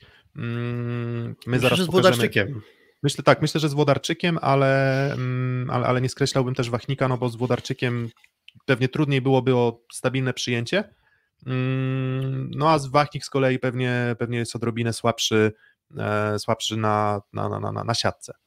Więc to, to, to gdzieś tam musi sobie to trener Daszkiewicz poukładać na boisku, ale wydaje się, że jak obserwujemy te sparingi, no to chyba właśnie hmm, Włodarczyk jakieś tam problemy z kontuzjami, jeżeli dobrze kojarzę, ale, ale chyba jednak byśmy postawili na, na zestawienie Włodarczyk-Szerszeń. Mm, Jeffrey Jendryk powraca też do Plus Ligi. Mm, ten jego pobyt w Aseko Rysowi Rzeszów znowu raczej, raczej nieudany, mm, ale niezły, myślę, że niezły, nawet myślę, że dobry, może bardzo dobry sezon w Berlinie i do tego też przyzwoity sezon reprezentacyjny. No to był zawodnik, który, który chyba przez Johna Sparrowa był um, razem z Davidem Smithem no, wybierany najczęściej jako podstawowy środkowy gdy Jeffrey Jendrick przyszedł do, do, do, do Plus Ligi za pierwszym razem, to głównym chyba zarzutem pod jego adresem była jego praca na bloku słaba. No i teraz pytanie jest takie, znowu kolejne, jak zadajemy sobie pytania, czy Jeffrey Jendrick poprawi blok. Na pewno to nie jest jego największy atut, ale też w ogóle bym powiedział, że nie patrzmy na jego sezon w Asekoresowi, bo to było dużo poniżej tego, co on potrafi grać. Właśnie wspomniałeś o tym, co grał w Berlinie i grał ostatnio na kadrze. E, no nie, na pewno to nie jest zawodnik, który głównie stawia na blok, więc y, atak, główna zaleta jego. I tutaj bym poszukał sposobu, jakby co decydowało, że sięgnięto po tego zawodnika. O ile Nowakowski, Jan Nowakowski dostawał sporo piłek w ataku, no to z kolei Konrad Steyer, który głównie grał do pary z Nowakowskim, sprawdziłem sobie, że w całym poprzednim sezonie tylko cztery razy dostał 9 plus piłek w ataku. A myślę, że Jędrykiem może to być trochę bardziej urozmaicone, czyli sporo piłek będzie przypuszczalnie grane i do Nowakowskiego, i do Jędryka, i to może być też sposób na rozładowanie, na poprawienie skuteczności na skrzydłach, czyli mocne odejście do, do środka właśnie siatki. Tak, tego, te, tak to, tego odejścia na pewno brakowało w poprzednim sezonie, więc tak jak mówiliśmy, trochę mozolnie musieli się na skrzydłach przebijać e, mm, Lublinianie. Mm, no, Jeffrey Jendrick na pewno właśnie ten element ofensywny powinien, e, powinien pomóc. E, w szczególności, że no widzę to jeszcze ten atut, że no to jest jednak zawodnik, myślę, o dość dobrych parametrach fizycznych i on myślę, że powinien dobrze się odnajdywać też w graniu z komendą, który jest zawodnikiem wysokim, tak? Czyli, czyli podejrzewam, że, e, że, że tutaj to duo powinno wyglądać, jeżeli chodzi o ofensywę, mm, nieźle. Um, Cristiano Torelli, czy też jak się śmiejemy, Juan Torelli, e, drugi rozgrywający e, Luku Lublin, on mm, trochę zagadkowa postać, bo to nie był zawodnik, który w lidze brazylijskiej grał w klubach e, czołowych. Dokładnie i też mm, jak patrzyłem na jego grę w sparingu, bo to naprawdę jest wycinek jednego meczu, gdzie ja go widziałem, to to też nie jest raczej zawodnik z kategorii wirtuozów, więc myślę, że to jest bardzo podobna charakterystyka do Marcina Komendy, ale co do jego rozegrania, ja nie jestem w stanie go scharakteryzować, nie podajemy się na razie, bo zbyt hmm. krótko go widziałem. Natomiast wygląda na to, że raczej, um, raczej to będzie drugi, um, drugi rozgrywający. Tyle tylko, że no, na szczęście jest to odejście, no, jeżeli porównamy do Igora Gnieckiego, no to na poziomie doświadczenia, na poziomie ogrania, mm, może też jakości tu i teraz y, rozegrania, to pewnie jest to zawodnik lepszy, więc jeżeli komenda będzie miała jakieś problemy, to nieźle to zostało wymyślone, no bo jednak jest zawodnik solidny. Przynajmniej tak się wydaje. Nie wiemy do końca, jak dobry, nie wiemy, czy to jest świetny zawodnik, dobry zawodnik, czy tylko niezły, ale, ale jest to zawodnik, którego pewnie nie będzie strach e, wprowadzić na boisko. E, z zawodników, którzy zostają, Dustin Watten na libero, razem z Szymonem Gregorowiczem w zeszłym sezonie już trochę rotowali. Um, Wojciech, Wojciech Włodarczyk, Jan Nowakowski, Szymon Romać drugim atakującym, Wachnik pewnie trzecim przyjmującym, Mateusz, Jóź, e, Mateusz Jóźwik czwartym przyjmującym, no i Konrad Stajer trzecim środkowym. I teraz pokazujemy... Damian Chudzik jeszcze bym wspomniał o nim jako czwarty do uzupełnienia tej formacji środkowych. Niekoniecznie to musi być czwarty środkowy. E, on grał ostatnio w Szwajcarii i trochę jego kariera za granicę wyszła po tym, jak jeszcze grał w AKS-ie Resowi. E, myślę, że to może być zawodnik, który też nieraz pojawi się na boisku i, i nie będzie poziomem odstawą. Myślę, że bardzo ciekawy gracz i, i bardzo się cieszę, że on do Plus Ligi zawitał. Mm, dokładnie, więc może, może będzie otrzymywał też swoje szanse. No i jak, jaką siódemkę przewidujemy? No to mm, hierarchia w zespole wydaje się być dość jasna. Mateusz Malinowski na ataku i Marcin Komenda jako drugi rozgrywający, e, jako pierwszy rozgrywający. Mm, na przyjęciu Nikolas Szerszeń, Wojciech Wodarczyk, na środku Jan Nowakowski i Jeffrey Jendryk. Nowakowski w zeszłym sezonie trochę nie mógł się spotkać w ataku, ale jeżeli chodzi o element bloku, no to na pewno był silnym, silnym elementem układanki. Ja go osobiście cenię. Uważam, że może nie jest to poziom, który, który jemu osobiście daje nadzieję na to, żeby występować w reprezentacji Polski, no ale biorąc pod uwagę, że tam mamy naprawdę solidną rywalizację, to taki top 8, top 9 e, środkowych w Polsce, to myślę, że to wcale nie jest taki, taki zły rezultat, więc ja, ja osobiście Janka Nowakowskiego bardzo cenię i lubię, lubię jego postać. Mm, na libero Dustin Woten, ale widzieliśmy, że też Szymon Gregorowicz się rotował z, z Dustinem Wotenem, więc spodziewam się, że, że, że też taki wariant będzie Dariusz Daszkiewicz stosował. W poprzednim sezonie było chyba tak, że tam trochę do obrony, trochę do przyjęcia, więcej przyjęcia Dustin Woten, więcej w obronie pracował Szymon Gregorowicz. Um, no i co, widzicie skład. Skład wygląda chyba bardzo obiecująco. Jest kilka znaków zapytania, czyli właśnie jak odbuduje się Mateusz Malinowski, jak odbuduje się Nikolas Szerszeń, jak, jak odbuduje się Marcin Komenda. Ale jeżeli to wszystko zagra, sparingi pokazują na razie, że wygląda to ok, przy czym ze sparingami jest też taka kwestia, że nie, jakby ta forma trochę nie powinna przyjść za wcześnie. W sensie wiem, że to jest zawsze tak, że jak ktoś wygrywa, to mówi się forma przyszła za wcześnie, jak ktoś przegrywa, to mówi się, że sparingi nie mają żadnego znaczenia, ale jednak, ale jednak mam takie uczucie, że, mm, że jeszcze te sparingi nie są dla mnie taką jedno, jednoznacznym wyznacznikiem, że to na pewno wszystko zagra perfekcyjnie, ale na pewno dają nadzieję i wydaje mi się, że z takiego szeregu drużyn, których gdzieś tam awizuje do walki o powiedzmy te ostatnie miejsca w playoff, czyli mówię o Treflu Gdańsk, Luku Lublin, może GKS-ie Katowice, um, Indyk Polu AZS Olsztyn, no to wydaje mi się, że to jest jedna z, że Lublin jest drużyną, która powin, inaczej, jeżeli nie, powinni być w okolicach playoff, czyli tutaj ja bym powiedział 7, 8, 9, z jakąś tam nadzieją, że jeżeli wszystko zagra, to może miejsce szóste, natomiast myślę, że ten awans do playoff, jeżeli ty mówiłeś, że jest celem dla prezesa i dla klubu, to wydaje mi się, że ta drużyna spokojnie pozwala na takie, na, na takie aspiracje, mm, na realizację takich aspiracji. Mm, tak, jakbym miał to trzymiejscowe miejsce, trzymiejscowe miejsce, trzy y, pozycyjny przedział lokat na koniec sezonu e, wskazać, to jakieś 7-9, bo myślę sobie tak, kogo oni mieliby wyprzedzić, żeby wejść do playoffów? No to BBTS Bielsko, Barkom Karzany Lwów, Kuprum Lubin, Suwałki, Radom i myślę, że są w stanie być wyżej Nysy, Katowic i Gdańska. I gdyby te ekipy wymienione wyprzedzili, to już byliby na ósmym miejscu. A to nie jest moim zdaniem nierealny scenariusz, więc y, takie 7-9 myślę, że będzie trafionym typem. Tak, z, z jakichś tam problemów, jakie widzimy, to jest to, że wspominaliśmy o bloku Mateusza Malinowskiego. Podobnie uważam, że też dość łatwo jest obić Nikolasa Szerszenia. Mm, my oczywiście mówimy mm, o, o, o charakterystyce zawodników. Zawodnicy się zmieniają, więc my trochę tak oceniamy na podstawie tego, co widzieliśmy w poprzednich sezonach, ale przecież każdy z zawodników może poprawić się w jakimś tam elemencie. Pytanie właśnie, czy tutaj jakiś postęp nastąpi na elemencie, w elemencie bloku, ale mm, no wydaje mi się, że, że, że, że ofensywnie drużyna na pewno powinna być lepsza, jakby bez, bez dwóch zdań. Było tak to, co mówimy, lepszy środek, lepsze odejście na, na jednym, lepsze odejście na lewym skrzydle, jeżeli chodzi o Nikolasa Szerszenia, również to, co ty wspominałeś, Filip, czyli środek, który trochę odkorkuje pewnie e, skrzydło, pomoże powiązać środkowych i powinno grać się, e, grać się łatwiej. No i Mateusz Malinowski, który na pewno ma bardzo dużo do, do udowodnienia. Mm, jeżeli to wszystko zagra, no to tak jak mówię, playoff powinien się wydarzyć, um, więc mówienie tutaj, że taki właśnie czarny koń. No, czy, czy można mówić o czarnym koniu w przypadku drużyny, którą my już tu i teraz stawiamy do playoff? E, nie wiem, ale mm, biorąc pod uwagę jeszcze zainteresowanie, bo nie wspominaliśmy o tym, że bardzo wysoka frekwencja w Lublinie, ten klub rusza tam ludzi, w sensie mm, ludzie byli zainteresowani, ta hala e, imienia Tomasza Wójtowicza wypełniona może nie, po, nie, nie do ostatniego miejsca, ale bardzo często z, o wysokiej frekwencji.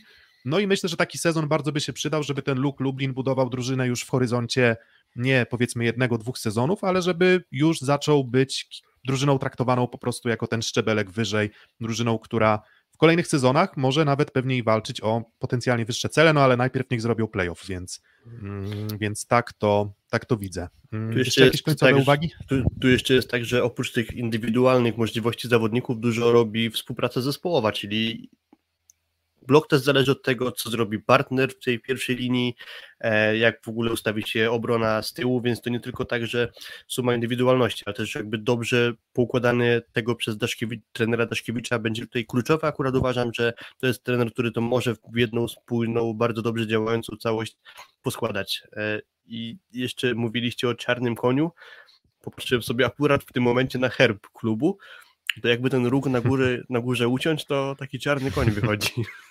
Dokładnie. Jakaś podpowiedź jest. Jest, jest podpowiedź, no i, no i co? No i generalnie jest to projekt, któremu kibicuję, projekt, który mm, stopniowo najpierw utrzymał się dość swobodnie w lidze, teraz już stawia sobie wyższe aspiracje, zobaczymy jak będzie e, w dalszym horyzoncie czasowym. Um, zamykamy temat e, Luku Lublin, no i przechodzimy do ostatniej drużyny, którą mamy przygotowaną na dzisiaj, e, czyli teraz się już nie pomylę, mówimy o dziesiątej drużynie poprzedniego sezonu, czyli mówimy o um, Kuprum Lubin. Szósty set. Mm, Kuprum Lubin, no to z tego tercetu drużyn, o których mówimy, to jest drużyna, która gra już plus lidze najdłużej. Mm, Kuprum Lubin, który mm, z rozpędem powiedziałbym wszedł do Plus Ligi, bo rezultaty osiągane przez Beniaminka w pierwszych sezonach e, od 2014 występują w Plus Lidze, no i te rezultaty w Plus Lidze naprawdę niezłe, bo już w debiutanckim sezonie miejsce siódme, potem miejsce piąte, szóste, siódme, to były takie cztery sezony, w których mm, pod wodzą głównie Dzianiego Kretu, bo to trzeba wspomnieć o postaci właśnie trenera Kretu, wyszukując trochę nieszablonowych zawodników, tworząc ciekawe drużyny, naprawdę potrafili grać siatkówkę na wysokim poziomie. E, tyle, że po tych czterech sezonach, kolejne mm, cztery sezony już były sezonami, które trochę zepchnęły Kuprum w taką mm, przeciętność, to myślę, że to byłoby złe słowo, bo, bo, bo, bo trudno mówić o Kuprum, że to była drużyna zupełnie no, przeciętna, a może to jest dobre słowo, jak, jak sądzisz, w sensie miejsca 11, 12, 11 i 10, to nie, są, to nie były drużyny nudne, to były drużyny, które zawsze miały jakąś tam dość ciekawą charakterystykę, mm, no ale jednak wyniki pokazywały, że na koniec sezonu do playoff było zazwyczaj daleko. Tak, trochę poniżej dol, znaczy poniżej środka tabeli taka ekipa od lat jest w Lubinie budowana, z tym, że właśnie powiedziałeś przeciętność, ja bym powiedział, że przeciętność, ale miło dla oka. To się są drużyny na przykład przeciętność, na... Wiesz, program Przeciętność Plus. Przeciętność Plus, tak. Myślę, że polski rząd mógłby się tym zainteresować i coś tam jeszcze uszczknąć. E... Bo Popatrz na przykład na Ceradene Czarnych Radom z zeszłego sezonu. To też jest drużyna poniżej środka tabeli, a oglądało się ich zgoła gorzej niż Kuprum Lubin właśnie i w kilku ostatnich nawet sezonach właśnie Kuprum Lubin, no bo mm, potencjał kadrowy tam jest taki właśnie jak e, wynika potem z końcowych lokat, ale mimo wszystko oni są i potrafią zrobić kilka niespodzianek, było na przykład w końcówce ubiegłego sezonu ograli Zaksę, i też gra wygląda dobrze. Popatrzymy na rezultat końcowy. Dobra, miejsce e, dziesiąte przegrali z tym projektem Warszawa. No, drużyna na papierze na pewno mocniejsza z Warszawy, ale po słabym sezonie, ok. Tylko oni przegrali meczów chyba wygrali 8, z czego mieli 5 porażek po tej brekach. Więc jakby też niedużo, kilkakrotnie brakowało do tego, żeby tych zwycięstw było trochę więcej. Mm, mocna końcówka sezonu, bo niedługo się chyba utrzymywali na przedostatniej lokacie tabeli, a z siedmiu ostatnich meczów wygrali cztery. E, stąd udało im się trochę dźwignąć do góry. Mm, gdybym miał scharakteryzować jednym zdaniem, drużyna, na którą się przyjemnie patrzy, ale potencjał kadrowy jest taki, że właśnie zajmują lokaty takie, jakie zajmują. Dokładnie, to, to, nie są, to nie jest drużyna, nie wiem, to jest, zazwyczaj te drużyny są mimo wszystko dość ciekawe. Mm, to, o czym ty wspominasz, to jakbym ja miał określić ten Kuprum Lubin w ostatnich kilku sezonach, to powiedziałbym, że to jest drużyna, która jest o krok. Jak trzeba wyszarpać punkty, to zazwyczaj wiesz, e, na przykład, nie wiem, mecze z drużynami z czołówki, no to wygrają seta i zagrają jednego na przewagi, albo dwa na przewagi, i przegrają oba i zakończą bez punktu. No i tego właśnie takiego mozolnego zdobywania punktów trochę e, Kuprum, Kuprum brakuje do tego, żeby realizować może wyższe cele niż, niż w poprzednim sezonie. Więc e, no, nawet jak spoglądamy sobie na liczbę punktów, no to w poprzednim sezonie punktów 26, do miejsca dziewiątego, czyli miejsca projektu Warszawa i GKS-u Katowic i Trefla, to wszystkie trzy drużyny miały po 36 punktów, no to 10 punktów na dystansie całego sezonu, no to jednak jest różnica mm, duża, no 10 punktów, no to 6 dzieliło na przykład Aluron CMC Warte Zawiercie na czwartym miejscu i Indyk Pola ZS na miejscu szóstym, więc 10 mm, punktów to dużo, mm, tyle tylko, że w poprzednim sezonie miałem takie poczucie, że ten znowu ten skład Kuprum Lubin trochę nie może zagrać, bo tak mówię, a mm, wypadł Ronald Jimenez przecież, tak? Wchodził Remek tak. Kapica, raczej przewidywany do roli drugiego atakującego, zagrał do, myślę, że dobry sezon. Jakby myślę, że otwarcie możemy powiedzieć, że jak na gdzieś tam swoje możliwości i swój wiek zagrał na pewno, na pewno bardzo dobry sezon. Mm, wydawało nam się, że ok, no ten Sekita, że no będzie dziurą w bloku, no i był trochę dziurą w bloku, ale z drugiej strony samą drużynę gra oglądało się e, bardzo fajnie. To był też debiut trener, trenerski Pawła Ruska i myślę, że wypadł bardzo obiecująco, w sensie ta drużyna wiedziała, co chce grać. Są drużyny, które mają wyższy potencjał, a tego potencjału nie realizują. No moim zdaniem gdzieś Kuprum Lubin w zeszłym sezonie tę gąbeczkę e, wycisnął do cna. No tak, też to jest taka ekipa, która zwykle potrafiła sprowadzić jakieś ciekawe nazwisko, albo właśnie dać szansę takim młodym graczom, jak w ostatnim sezonie to miało miejsce z Kapicą, i też szansę trenerowi, trochę debiutantowi na tym poziomie, czyli Paweł Rusek, który nie tak dawno jeszcze mm, biegał po boisku jako libero, a teraz już jako pierwszy trener i też załapał się do kadry Nikoli Grybicia jako asystent.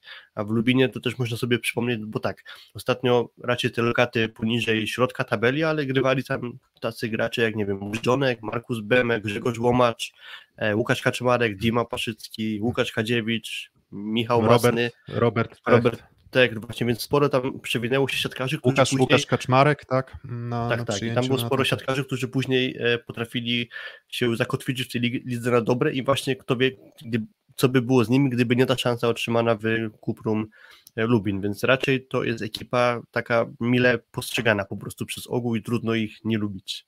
Dokładnie, spoglądamy jeszcze tak sobie, mm, zaglądam na plusy, minusy gdzieś Kuprum Lubin e, statystyczne. Mm, no to tak, jeżeli chodzi o skuteczność w ataku i efektywność ataku, no to 48% skuteczności, 31% efektywności.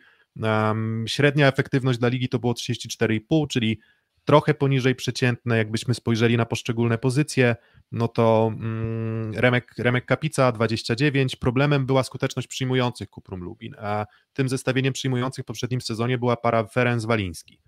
Mm, oni nie wyglądali źle, w sensie to jest tak, że ja Wojtka Ferenca osobiście też bardzo cenię, bo dla mnie to jest zawodnik, który mm, potrafi dołożyć każdym elementem, ale jeżeli chodzi o czystą siłę ofensywną na lewym skrzydle, no, na lewym skrzydle, no to tej siły w zeszłym sezonie nie było, no bo to był trzeci najgorszy, trzecia najgorsza efektywność ataku, jeśli chodzi o, o, o przyjmujących. E, jeżeli chodzi o element środka, mm, to uważam, że całkiem niezłe wejście do ligi zaliczył e, Florian Krage. Znaczy inaczej, wejście może było trudne, ale w trakcie sezonu zaczął grać coraz, coraz lepiej, więc no myślę, że to też może być dość solidny punkt, y, jeżeli chodzi o Kuprum Lubin.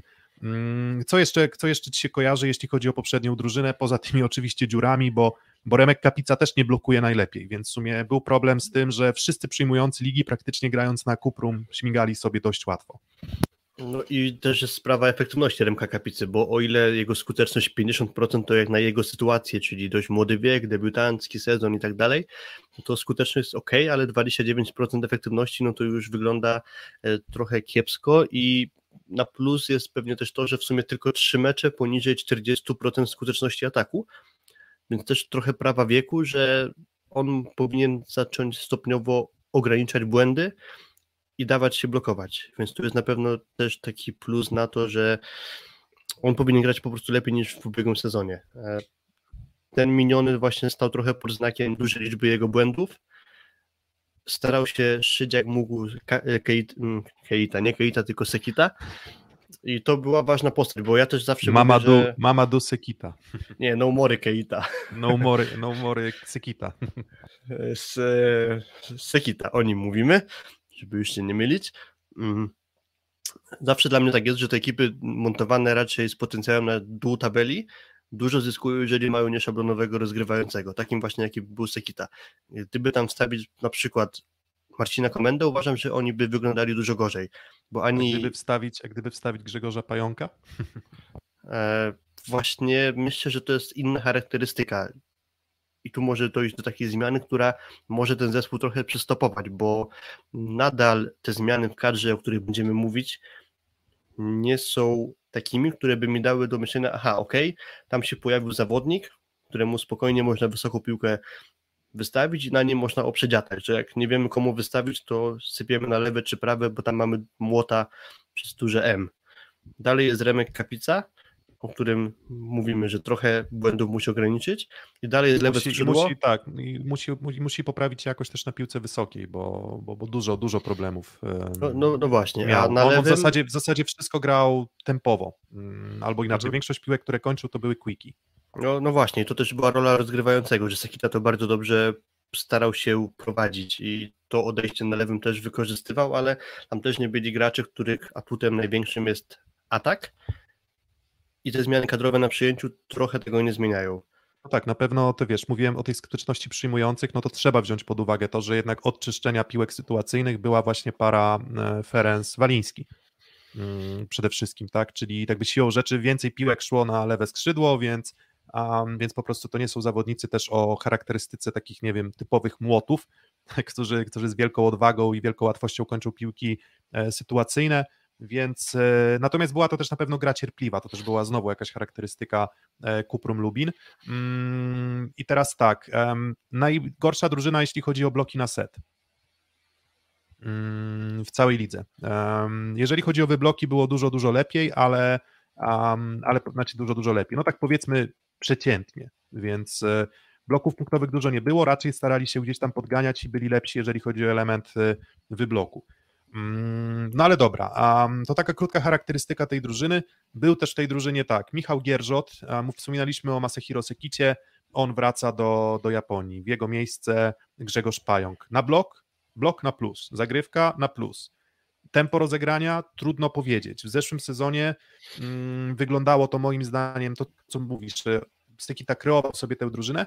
Zobaczymy, jak Grzesiu Pająk będzie sobie radził w sytuacji, w której no prawdopodobnie będzie miał obok siebie no, do wyboru na skrzydle kapicę właśnie Ferenca i Bergera raczej.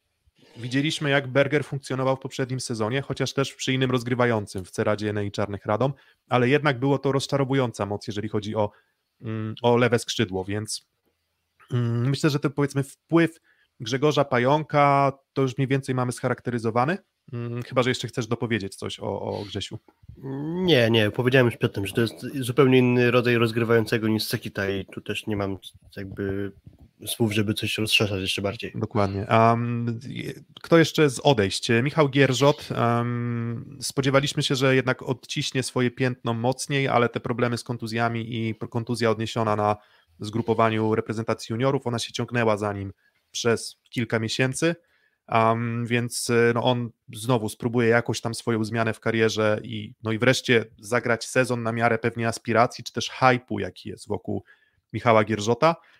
Grzegorz Bociek w trakcie sezonu przyszedł jako drugi atakujący, kilka sporadycznych, niezłych wejść, ale raczej też nie jest to już zawodnik, który, który tym wymaganiom plusligowym byłby w stanie sprostać. Za niego wraca Adam Lorenz po bardzo dobrym sezonie w pierwszej lidze. No jeden z najlepszych atakujących pierwszej ligi. Mm, Tak, on już był jako rezerwowy w Plus Lidze dwa sezony temu, po czym tak jak trochę Mariusz Magnuszewski.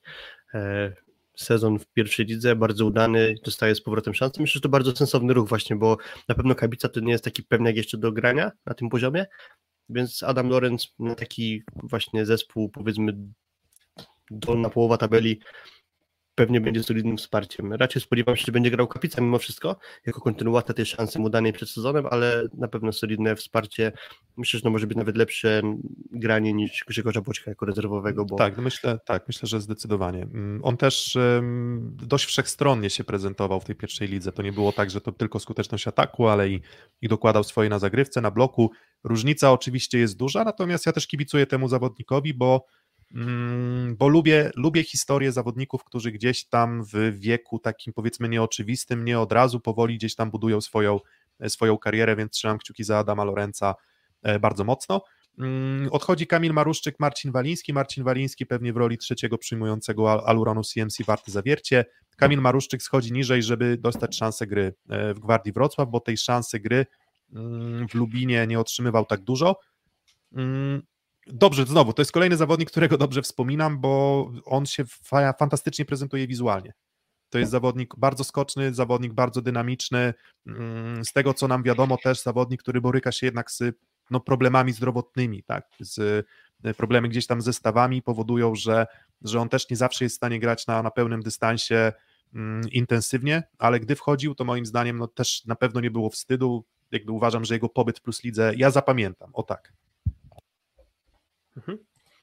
Okej. Mm, Idziemy dalej. Odejścia. Przemysław Stępień jako rezerwowy rozgrywający do Zaksy, więc pewnie będzie tam pełnił podobną rolę. Mm, Pewnie by szans wiele przy Grzegorzu Pająku nie dostał, tak mi się wydaje. E, Dawid Gunia do PGS Gry. Mm, Dawid Gunia, który grywał, w sensie to nie był cały czas etatowy rezerwowy, a jednak e, dużo szans dostawał. Tam był jeszcze na środku Paweł Pietraszko, on zostaje i zostaje Florian Krage. Za Dawida przyszedł Mustafa Mbaye. Mm, Czy to Na razie- będzie na jakieś razie wielkie sparingi- wzmocnienie? Tak, na razie sparingi pokazują, że para Mbaye i Kragę. Mm, To jest gdzieś tam wybór Ruska. Mhm. E, jeśli omawiamy tę zmianę, to na pewno u Mustafa Mbaye podobna sprawa jak ze Stajerem, czyli on w się dostawał niewiele piłek do ataku względnie i nie jest w stanie trochę zaistnieć w zagrywce. On w sumie zrobił pięć asów przez dwa sezony w plus lidze, to jest mm, no, kiepski wynik, tak mówiąc. Ma flota, ale niewiele krzywdy nim robi. No bo to wiadomo, że łatwiej zrobić asy, jeżeli serwuje z wyskoku, ale nawet jak na serwowanie flotem, no to 5 asów to jest wynik, y, żeby nie powiedzieć przesadnie, Tak, no, tak, a kiepski, jakbyśmy. znaczy- kiepski. Tak, nie no, kiepski, a poza tym jeszcze wiesz, jeżeli weźmiemy, przyjmiemy inną miarę, pewnie trochę lepszą miarę, jeżeli Zagrywki chodzi o cenę pewnie? flotowców, czyli właśnie zagrywki na set, to też, też nie imponuje. Więc e, z tym flotem, no to właśnie tam nie oczekujemy asów, mm, no ale zagrywka, no jakbyśmy wskazywali środkowych o zagrywce raczej słabszej w lidze, no to myślę, że niestety właśnie Mustafa Mbaye byłby takim zawodnikiem, ale, ale, ale mm, było trochę szyderki z niego, mam wrażenie, że taki zawodnik, który trochę nie, nie pasuje do poziomu plusligowego, ale od kiedy przyszedł Daniel Pliński w poprzednim sezonie, Odżył. mm, odżył, odżył, zaczął łapać bloki punktowe, mm, lepiej wyglądał, lepiej wyglądał w ataku, mm, nie skreślałbym go, w sensie to może być zawodnik, który to, co my mówimy, jest taka charakterystyka środkowych i to jest typowy środkowy bloku, tak. On przemieszcza się na siatce, wydaje mi się, że zaczął robić to sprawniej, więc e, podejrzewam, że względem, nie wiem, zestawienia środkowych, czy Pietraszko, czy, czy Gunia, myślę, że on właśnie na, na to liczy Paweł Rusek, tak się spodziewam, czyli po prostu jego argumenty na bloku, a nie, a nie, a nie atuty ofensywne. Mhm, Okej. Mm, No właśnie, no i co? Mówiliśmy zmiany, jeszcze jedna postać, reprezentant Ukrainy Ilia, a, Ilia Kowałow.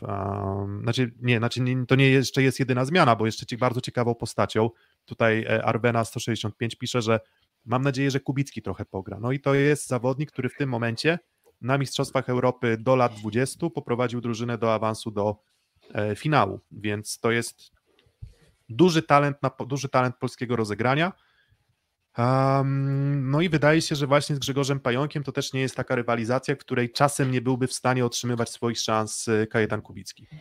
Mhm, mm, Dokładnie. Zawodnik, który przychodzi ze spały, duży talent. Dzisiaj o 20 Polska Włochy, finał Mistrzostw Europy do lat y, 20, więc jeśli ktoś jest zainteresowany obejrzeniem tego zawodnika w akcji, to pozostaje nam zachęcić, ale no, na dłuższą metę obstawiam, że no jednak Grzegorz Pająk będzie grał. Tak, oczywiście. Te pierwsze, pierwsze sezony są bardzo trudne dla, dla, dla, dla zawodników na każdej pozycji. Mm, A co dopiero mówić o pozycji rozgrywającego, gdzie no siłą rzeczy pewnie 80-90% piłek przechodzi przez, e, przez twoją osobę. Nie, nie uciekniesz od gry. Jak masz młodego środkowego, no to tam czy dotknie na bloku, czy nie dotknie na bloku na, na, na swojej zmianie, to, to nie masz takiego Tu, tu, dużego znaczenia albo nie zawsze ma. A rozgrywający, no to jeżeli nie będzie powtarzalny w każdej akcji, to, to po prostu drużyna może ściąść. Może podobnie to wyglądać jak w przypadku Igora Gnieckiego w zeszłym sezonie w Lublinie. Myślę, że to może być dość podobny sezon właśnie dla Kajetana Kubickiego, jak miał w Lublinie rok temu, czy sezon temu mm, właśnie Igor Gniecki. Natomiast Mm. jeżeli chodzi o skalę talentu, no to z doniesień wszystkich to powinien być zawodnik warty obserwowania, bez wątpienia. Mhm. Okej. E, Powiedziałeś Ilja Kowalow, siatkarz z reprezentacji Ukrainy, który grał sporo. Można powiedzieć podstawowy zawodnik do pary z Płotnickim na e, Mistrzostwach Świata minionych. Do tej pory niezbyt wysoko załapał się w klubach, bo on opuścił Ukrainę w 2018 roku, trafił do Ligi Estońskiej. Oprócz tego spędził dwa sezony na zapleczu najlepszej ligi francuskiej i jeden sezon w Barkomie Karzany Lwów 2021. Jeszcze oprócz tego jeden sezon w Rosji, w Gazpromie Ugra Surgut, to jest ekipa jedna z najsłabszych generalnie rosyjskiej Superligi, więc on do tej pory, jeśli chodzi o kluby, nie ma imponującej historii. co do jego charakterystyki gry, trochę też wpasowuje się w to, co było sezon temu z Walińskim, z Ferencem, z, teraz z Bergerem będzie, czyli raczej zawodnik, który na wysokiej piłce szuka e, obicia bloku, oparcia piłki o blok, bardziej techniczny niż fizyczny. Jeżeli ma punktować w ataku, to potrzebuje dość dogodnej, wygodnej wystawy, wygodnej sytuacji, jeśli chodzi o ustawienie bloku rywala. To nie będzie zawodnik, który odmieni Lubin na przyjęciu, jeśli chodzi o atak z wysokiej mhm. piłki na pewno. Tak, ja nawet sprawdziłem e, statystyki z Mistrzostw, Mistrzostw Świata, właśnie Ili, Ili Kowałowa. To jest to zawodnik, e, który mm, atakował ze skutecznością 45%, ale ta efektywność już wynosiła no, tylko 25% efektywności e, ataku. I to jest parametr raczej taki sobie. Mm, czyli generalnie dość, dość dużo błędów i dość dużo zablokowanych ataków, więc to, co mówisz, raczej wpisuje się to w tę Twoją charakterystykę, którą opisałeś, czyli że no nie jest to zawodnik, który da jakieś fantastyczne odejście.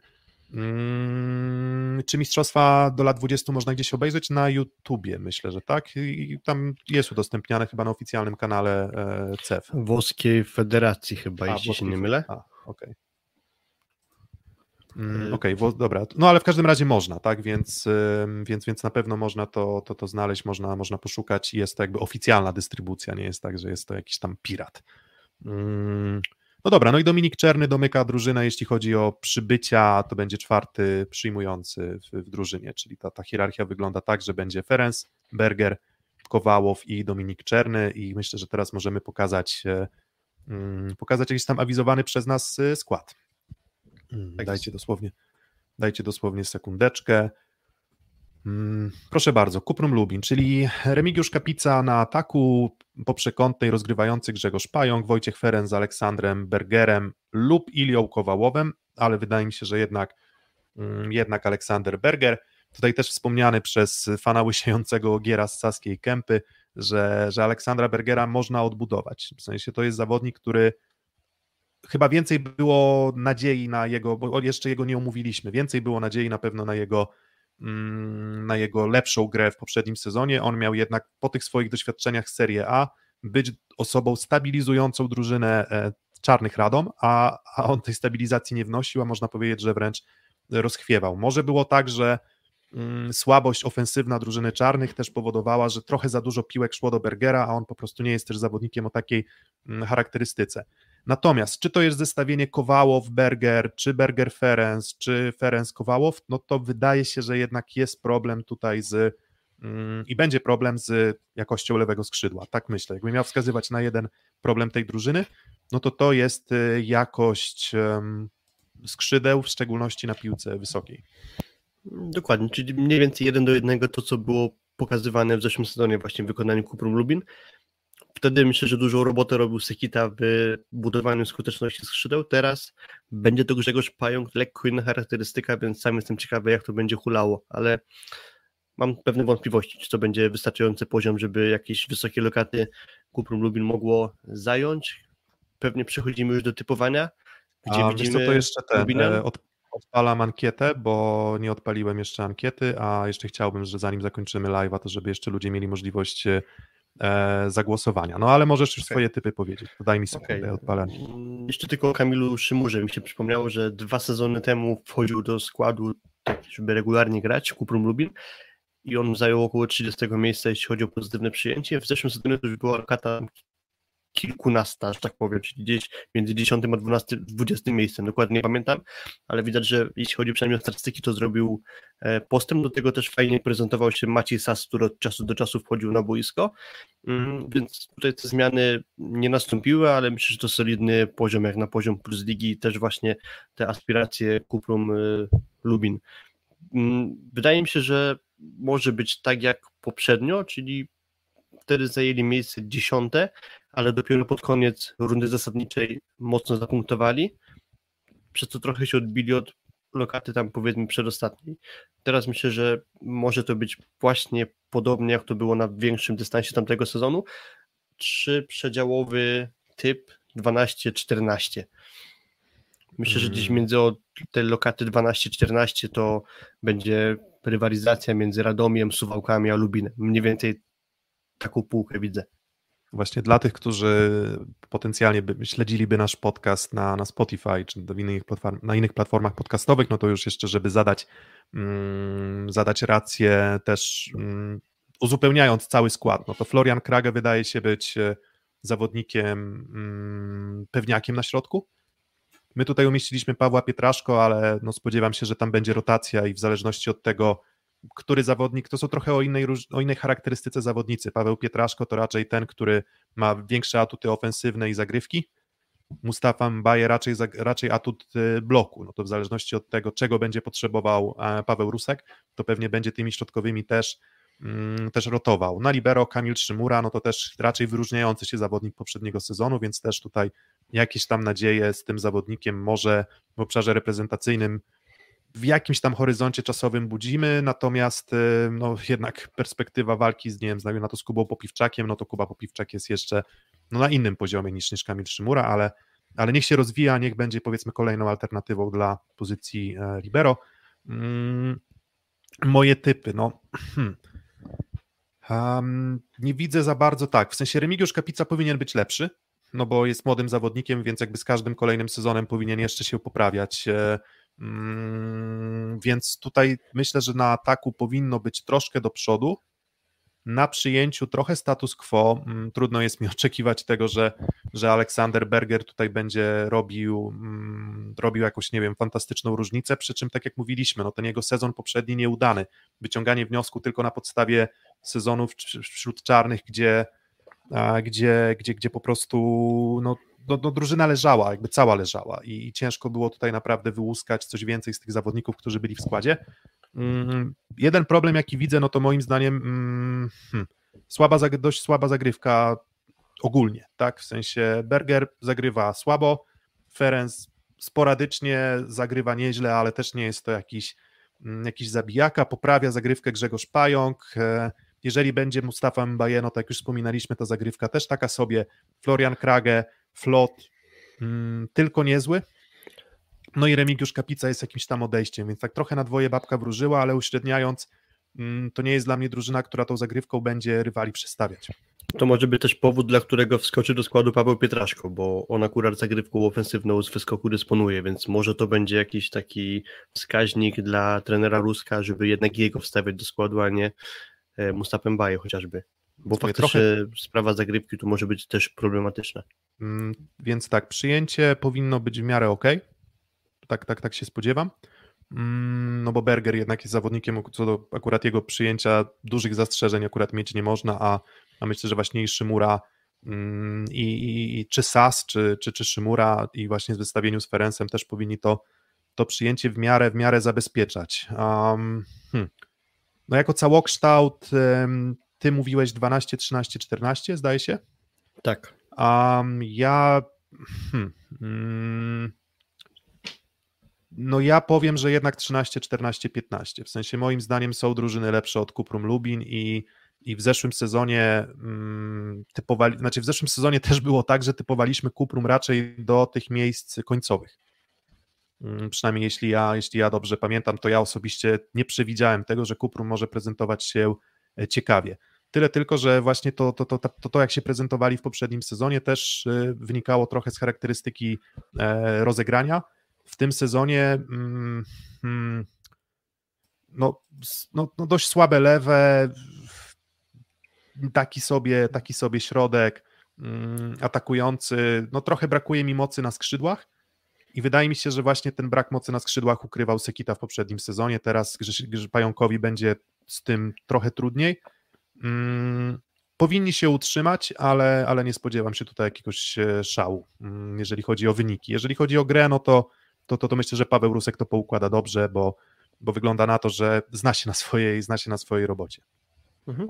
Dokładnie, tak bym też to podsumował, jak ty to zrobiłeś, więc na tym chyba możemy temat Kuprum Lubin zamknąć. Poza tym, że jeszcze mówi, jak mówiliśmy o Lublinie, to był trochę ciepłych słów padło pod adresem Trybun, tak tutaj w Kuprum Lubin życzyłbym sobie, żeby większa liczba kibiców się pojawiła na hali, ale może być z tym problem.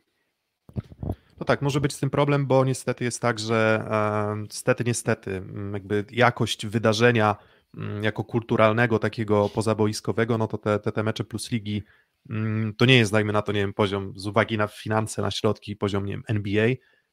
No i w Polsce niestety jest tak, że rezultat bardzo mocno, rezultaty, poziom sportowy drużyny bardzo mocno warunkują, mm, warunkują też zainteresowanie kibiców. No i w Lubinie ta hala ładna, ale niestety świeci pustkami, no i tam często set osób na trybunach się, e, się pojawia. Chcielibyśmy, żeby było ich więcej, ale, ale to też jest złożony temat, no bo i samo miasto nie jest miastem bardzo dużym i tak jak mówiliśmy, ten poziom sportowy też um, w ostatnich sezonach przynajmniej nie jest aż taki imponujący. Mm, macie jeszcze czas chwileczkę odpowiedzieć w, w ankiecie, więc ciekawi jesteśmy jeszcze Waszych głosów. Jeżeli chodzi o podsumowanie Waszych ankiet do tej pory, to Luk Lublin typujecie do miejsc 7-8, 54% głosów, 9-12, 28% głosów, 5-6 też są ludzie, którzy co siódma osoba, 14% typowała właśnie Luk Lublin na miejsca 5-6, więc myślę, że to jest duży optymizm, ale ten playoff może się, może się wydarzyć. Lewsk Malow Suwałki stawiacie pomiędzy 9-12 53% głosów, 13-15 42% głosów, czyli znowu tak na granicy pewnie, czyli miejsca 11, 12, 13 lub 12, 13, 14, ale bardziej 11, 12, 13 dla Ślepska. Mm, I jeszcze jedna ankieta, która w tym momencie jest odpalona. Kuprum Lubin optymistycznie też typujecie na miejsca mm, optymistycznie, no chyba optymistycznie, na miejsca 9, 12 mm, mm, i też 63% głosów, a 32% głosów na 13-15, czyli też wydaje się, że jednak bardziej 11, 12, 13 niż 9. Mm, no ale zobaczymy, zobaczymy jak to wszystko będzie, zobaczymy jak to się wszystko poukłada. My za dzisiaj dziękujemy, kolejne trzy drużyny omówione, a w następnych dniach, e, no cóż, no startujemy z Plus Ligą w piątek, zostały nam jeszcze miejsca 9, 8, 7, 654 i 123, czyli jeszcze trzy nagrania do piątku zrealizujemy, żebyście mogli cieszyć się naszymi zapowiedziami e, Plus Ligi. Odliczamy do Plus Ligi, odliczajcie razem z nami, dajcie lajka, dajcie suba, a za dzisiaj dziękujemy. Piotr Złoch i Filip Korfanty. Dzięki, cześć. Dzięki, pozdrawiamy, cześć.